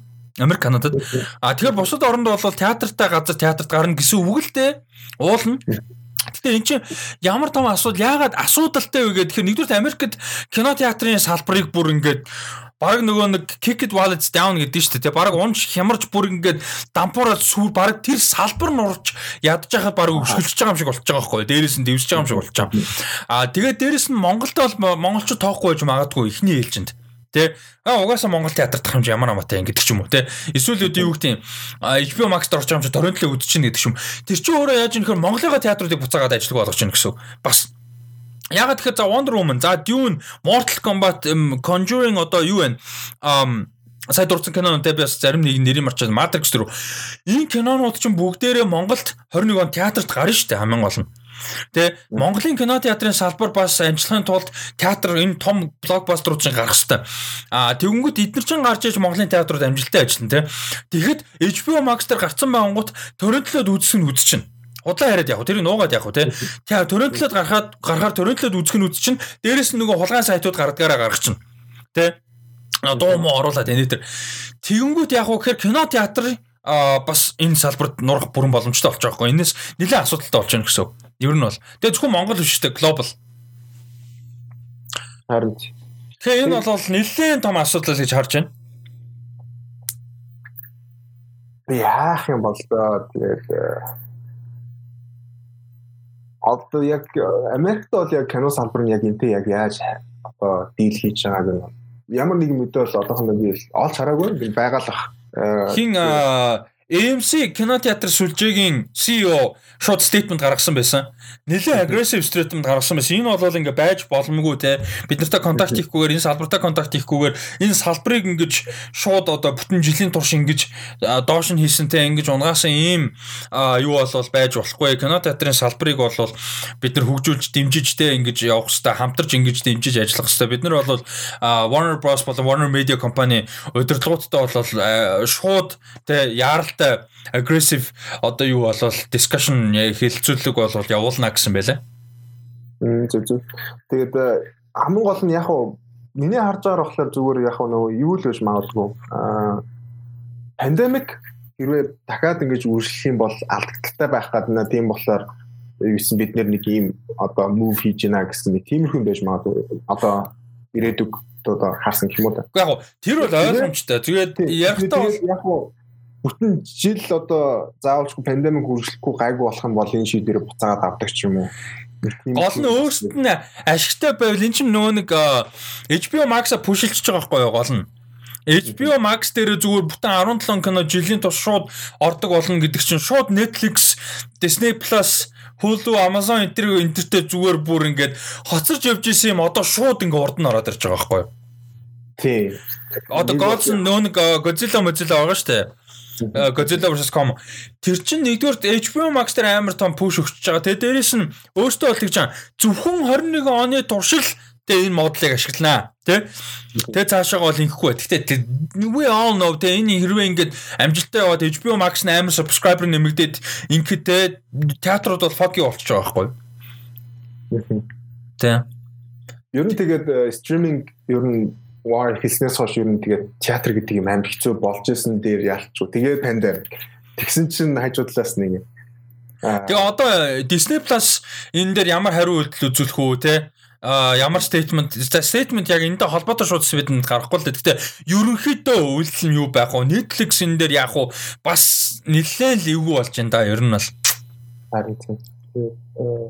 Америкт кино театрын салбар нурах за асуудалтай болох энтер гэдэг чинь Монгол нөлөөлөхгүй гэсэн ерөөсөө биш байхгүй юу? Бид нар тэгэж хандаж ерөөсөө болохгүй шууд бос утгаараа зөндөө нөлөө байгаа. Энд чи болол Наад захын торрентингээс ахуулаад Paris-аас ахуулаад агүй олон нөлөө байгаа. Монгол кино одоо чинь Dune одоо юу гэдэг Matrix а Conjuring тэ энэ кинонууд бол Монгол театрт гарна. Театрт гараад театрт олон хүмүүс үзээ, театр нь шашгаа болоод хүмүүс нь ч гоё том дэлгэцээр гоё том кинонууд үзээд явах хэрэгтэй байхгүй уул нь бол. Тэгэхээр HBO Max-аар шууд ороо явчихаар амар асуудалтай болчихоо. А юун дээр тэгээд юу ахаа юу нэр чинь дээ одоо жишээ нь AMC одоо жишээ нь эсрэг дуурч шүү дээ. Тэгэхээр том том байгууллагууд том organization ч юм уу энэ эсрэг дуурайад ирэхлээр Warner Bros яг уу илүү тохиролцоон дээр хүрч магадгүй арай өөр ч юм. Одоо яг яах юм бол гэсэн мэдэхгүй байна. Тэгээд хамгийн гол нь яг ийм том шийдвэр гаргаж байгаа ямар ч одоо хүмүүстэй ямар ч одоо организашнтэй ярилцахгүйгээр ингэж байгаа гэдэг бол амар том асуудал болж байгаа байхгүй. Тэгэхээр тгээгүү болохоор яадаг чинь одоо Одоо Universal Pictures AMC-тэй гэрээ хийсэн шүү дээ. А 17 хоног юу яана? Зэрэг гарна. Те тэр зэрэг гарсан. Юуны эхний 17 болоо 21 хоногийн одоо премиум видео on demand-ийн орлого байгаа шүү дээ тийм нөгөө төлбөрөөр киногийн дижиталар хүмүүс судалдаж аваад юм уу дөрвслээд үзэж байгаа. Тэр орлогоноос нь хувь кино театр авна театрт гаргахгүй үзүрээс нь хувь авна ягаад тэгэхээр зэрэг гаргаж байгаа учраас театрт эксклюзив гарахгүй байгаа учраас гэдэг тийм тийм гэрээ бол хийжсэн. А тэнгууд эн чин тийм гэрээ их боломжгүй нөхцөл байгаа байхгүй. Ягаад тэгэхээр HBO Max-ийн subscription-тэй л хүн шууд үзэх боломжтой гэсэн. Тэгэхээр яг хэдэн хэдэн хүн үзэж байгаа яг тэрэнд хэдэн төгрөг явж байгаа гэсэн байхгүй болчих жобайгаа байхгүй.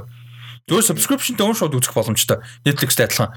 Тэгэхээр амар асуудалтай. Тэгээ дээрэс нь одоо нөгөө нэг театрын Америкийн кино театрын одоо нөгөө нэг амар олон жил өөрчлөгдөөгүй хатуу яваад байсан Netflix орж ирээд бас нэлээд бөө асуудал болоод байсан том асуудал юу байсан бэ гэвэл 90 хоногийн кино театрын exclusive window тэ кино кино болвол э, кино театрт 90 хоног гарах exclusive одоо юутай байна хугацаатай байна тий.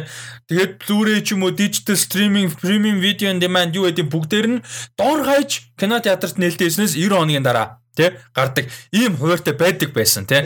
Тэнгүүт энэ window энэ хууль одоо бичигдээгүй хууль одоо хоорондын студ э, театруудын ойлголцол одоо ингээ пандемикаар урчлаа штэ. Энэ бол одоо бүр байхгүй forever энэ бол эргэж 90 хоног болно гэсэн юм бол байхгүй. Тэгээ дэлхийн нийтээрээ бүгдээрээ вакцинжуулагдаад бүх юм зүгээр болоо гэхэд буцаад 90 хоног руу буцна гэсэн юм бол зүгээр гонжинж. Харин тийм. Яг уу зарим нэг тохиолдол дээр яг уу тэр 90 хоног моно гэдэг уус байхгүй болчихвол авах юм шүү. Би одоо тэгж бодод. Яг уу тийм wishful thinking те. Тэгтээ Мэдгүй. Би бод тэгж нэг удаан хүлээгээд байх нэг хүсэл байдгүй шүү дээ. Ингээд болж өгвөл хурдан. Яг үзэгч талаасаа бол яг тийм байгаа байхгүй. Ингээд хурдан хурдан үзээд театрт гоё үзсэн юм хурдан Blu-ray стримингээр үздэг юм. Яг Тийм байгаа. Гэтэ бизнес талаас нь кино театрыг бодох юм бол аль болох удаан хугацаагаар эксклюзив үзэх цорын ганц боломжууд нь тэнцээ байж иж бизнес кино театрын бизнес явж байгаа байхгүй. Аха. Амар сонин бизнес кино театрын бизнес. Айгүй их мөнгөн дээр эргэлддэг. Ямар ч улстай байсан гэсэн контекстн дээр айгүй их мөнгөн дээр эргэлддэг мөртлөө ерөөсөө ингээл унцдаг. Ерөөсөө амар хэцүү сонин бизнес. Тэгэд киногоор мөнгө олд юм шиг мөртлөө кино өөрөө удаан хугацаанд мөнгө олдоггүй. Ялангуяа сүүлийн хэдэн жил орчин үед. А хуучин цагт бол тийм байсан те 10 он гэхэд одоо юу гэдэг аватар Монголд 2 сар 3 сар бараг гарсан ч юм уу те 90 он гэхэд Titanic одоо fucking 30 47 хоног дараалаад бокс офис ихний 10 март явсан ч шүү те. Тийм утгагүй. Одоо үед бол тийм байхгүй шүү те. Тэгэхээр ер нь бол нэлээд асуудалтай. За тэгээ энэ дээр өстө жинхэнэ цаашаа яаж үргэлжлэх нь бусад театрууд ямар мэдээлэх нь ямар ч сан MC бол шууд эсрүүцсэн юугаа бол стейтментээ бол байр суурь бол илэрхийлсэн байгаа цаашаа юу болох нь гэдгийг харъя. Тэгээ хэдүүлээ юу вэ? А асуултууд хэрвээ байвал харъя. Тэгээд подкаст дуусгая гэж бодож чинь. За 3 4 асуулт байх шиг байна те. За хоёр хоёр ах карантинд хэр их жин нэмсэн бэ гэж байна. Чи жин хассан биз дээ баг. Би жин нэмээгүй. Жингээ барьж байгаа гэж. Би бол нэмээчгүй хасаачгүй ерөөсөө яг л хэвээрээ. Э ер нь яг л тийм ба. Яг дотроо хэлбэлцэж байгаа. Гэхдээ нэг тийм яг доктортой нэмсэн доктортой хассан юм уу? Яг ингээл нэг хэлбэлцээл нэг иймэрхүү. Яа би яг карантин эхлэхээс өмнө нэлээ жин хурцтай хайсан. Тэгээд тэр хайсан хэмжээнд дээр байгаа дөө одоо нэг 90 хэдтэй байгаа. За HBO Max-д Монголд хизээ орж ирэх юм. За Монголд мэдгүй баха HBO Max.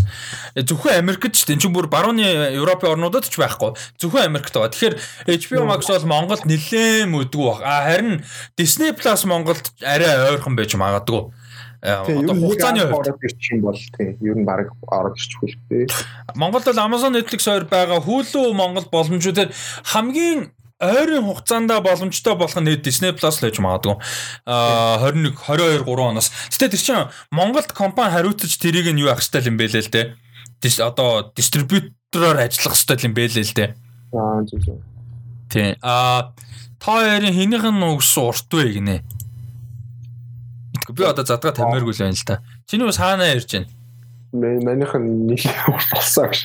Ер нь стейшн дээр явдаг дөө. Тийм ээ. Бараг адилхан юм байна дөө. Бараг л адилхан. Тийм ээ. За, за дараагийнх нь пиано тоглолтог дээд далиог нэ одоо өөдөөс нь irritate хийх дуу чимээ гаргаж үзсэн үү гэнэ. Бодсон би ингэж бодсон.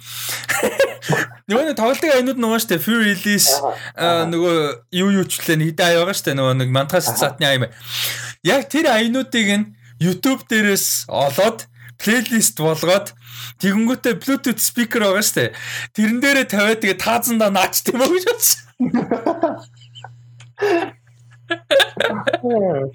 Тэг ядаргаатай тоглолтын айнууд нь шалнаас нь дуугараад.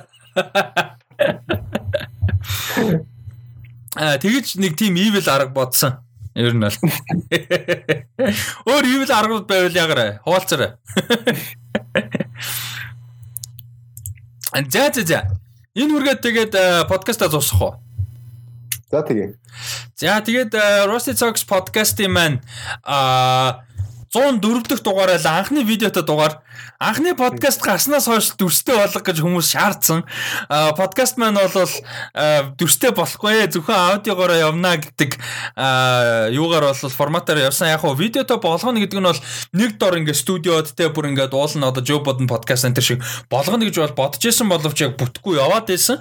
А тэгээд пандемикийн ачаар яг видеотой бол хийлээ. Гэхдээ ингээд Google Meet-ээр видео call хийж бол хийлээ. Тэгээд бас техник талаас нь жоохон сул тал юмнууд гарсан байж магадгүй түрүүн би хэлсэн те сэтгэл юмнуудаа хуваалцаараа яавал зүгээр байна а хуваалцаад яваараа комент үлдээгээрэй гэж хүсмээр байна. Тэгээ Instagram дээр намайг дагаараа Rusty Ryan 7 гэдээ байгаа шүү. Rusty Ryan 7 гэдээ байгаа Instagram дээр дагаараа тэгээд Datcog Rusty биш ээ. Datcog @datco тэ D A D K O гэдээ байгаа. Datcog @datco гэдээ байгаа бас Instagram дээр дагцгаагаараа тэгээ subscribe дараарай. За тэгээд одоо YouTube-ээр видеотой дугаар явж байгаа учраас яг аудио форматаар явдгаар явна. Платформудаар явдгаар явна. Гэхдээ видеотой учраас сайхан шеэрлээрээ. Лайк дараарай, subscribe дараарай. Тэгээд гоё сэтгэлээ хуваалцаад оролцоотой яваарай гэж хүсмээр байна. Тэгээд дараагийнхаа подкастны дугаар хүртэл баяртай.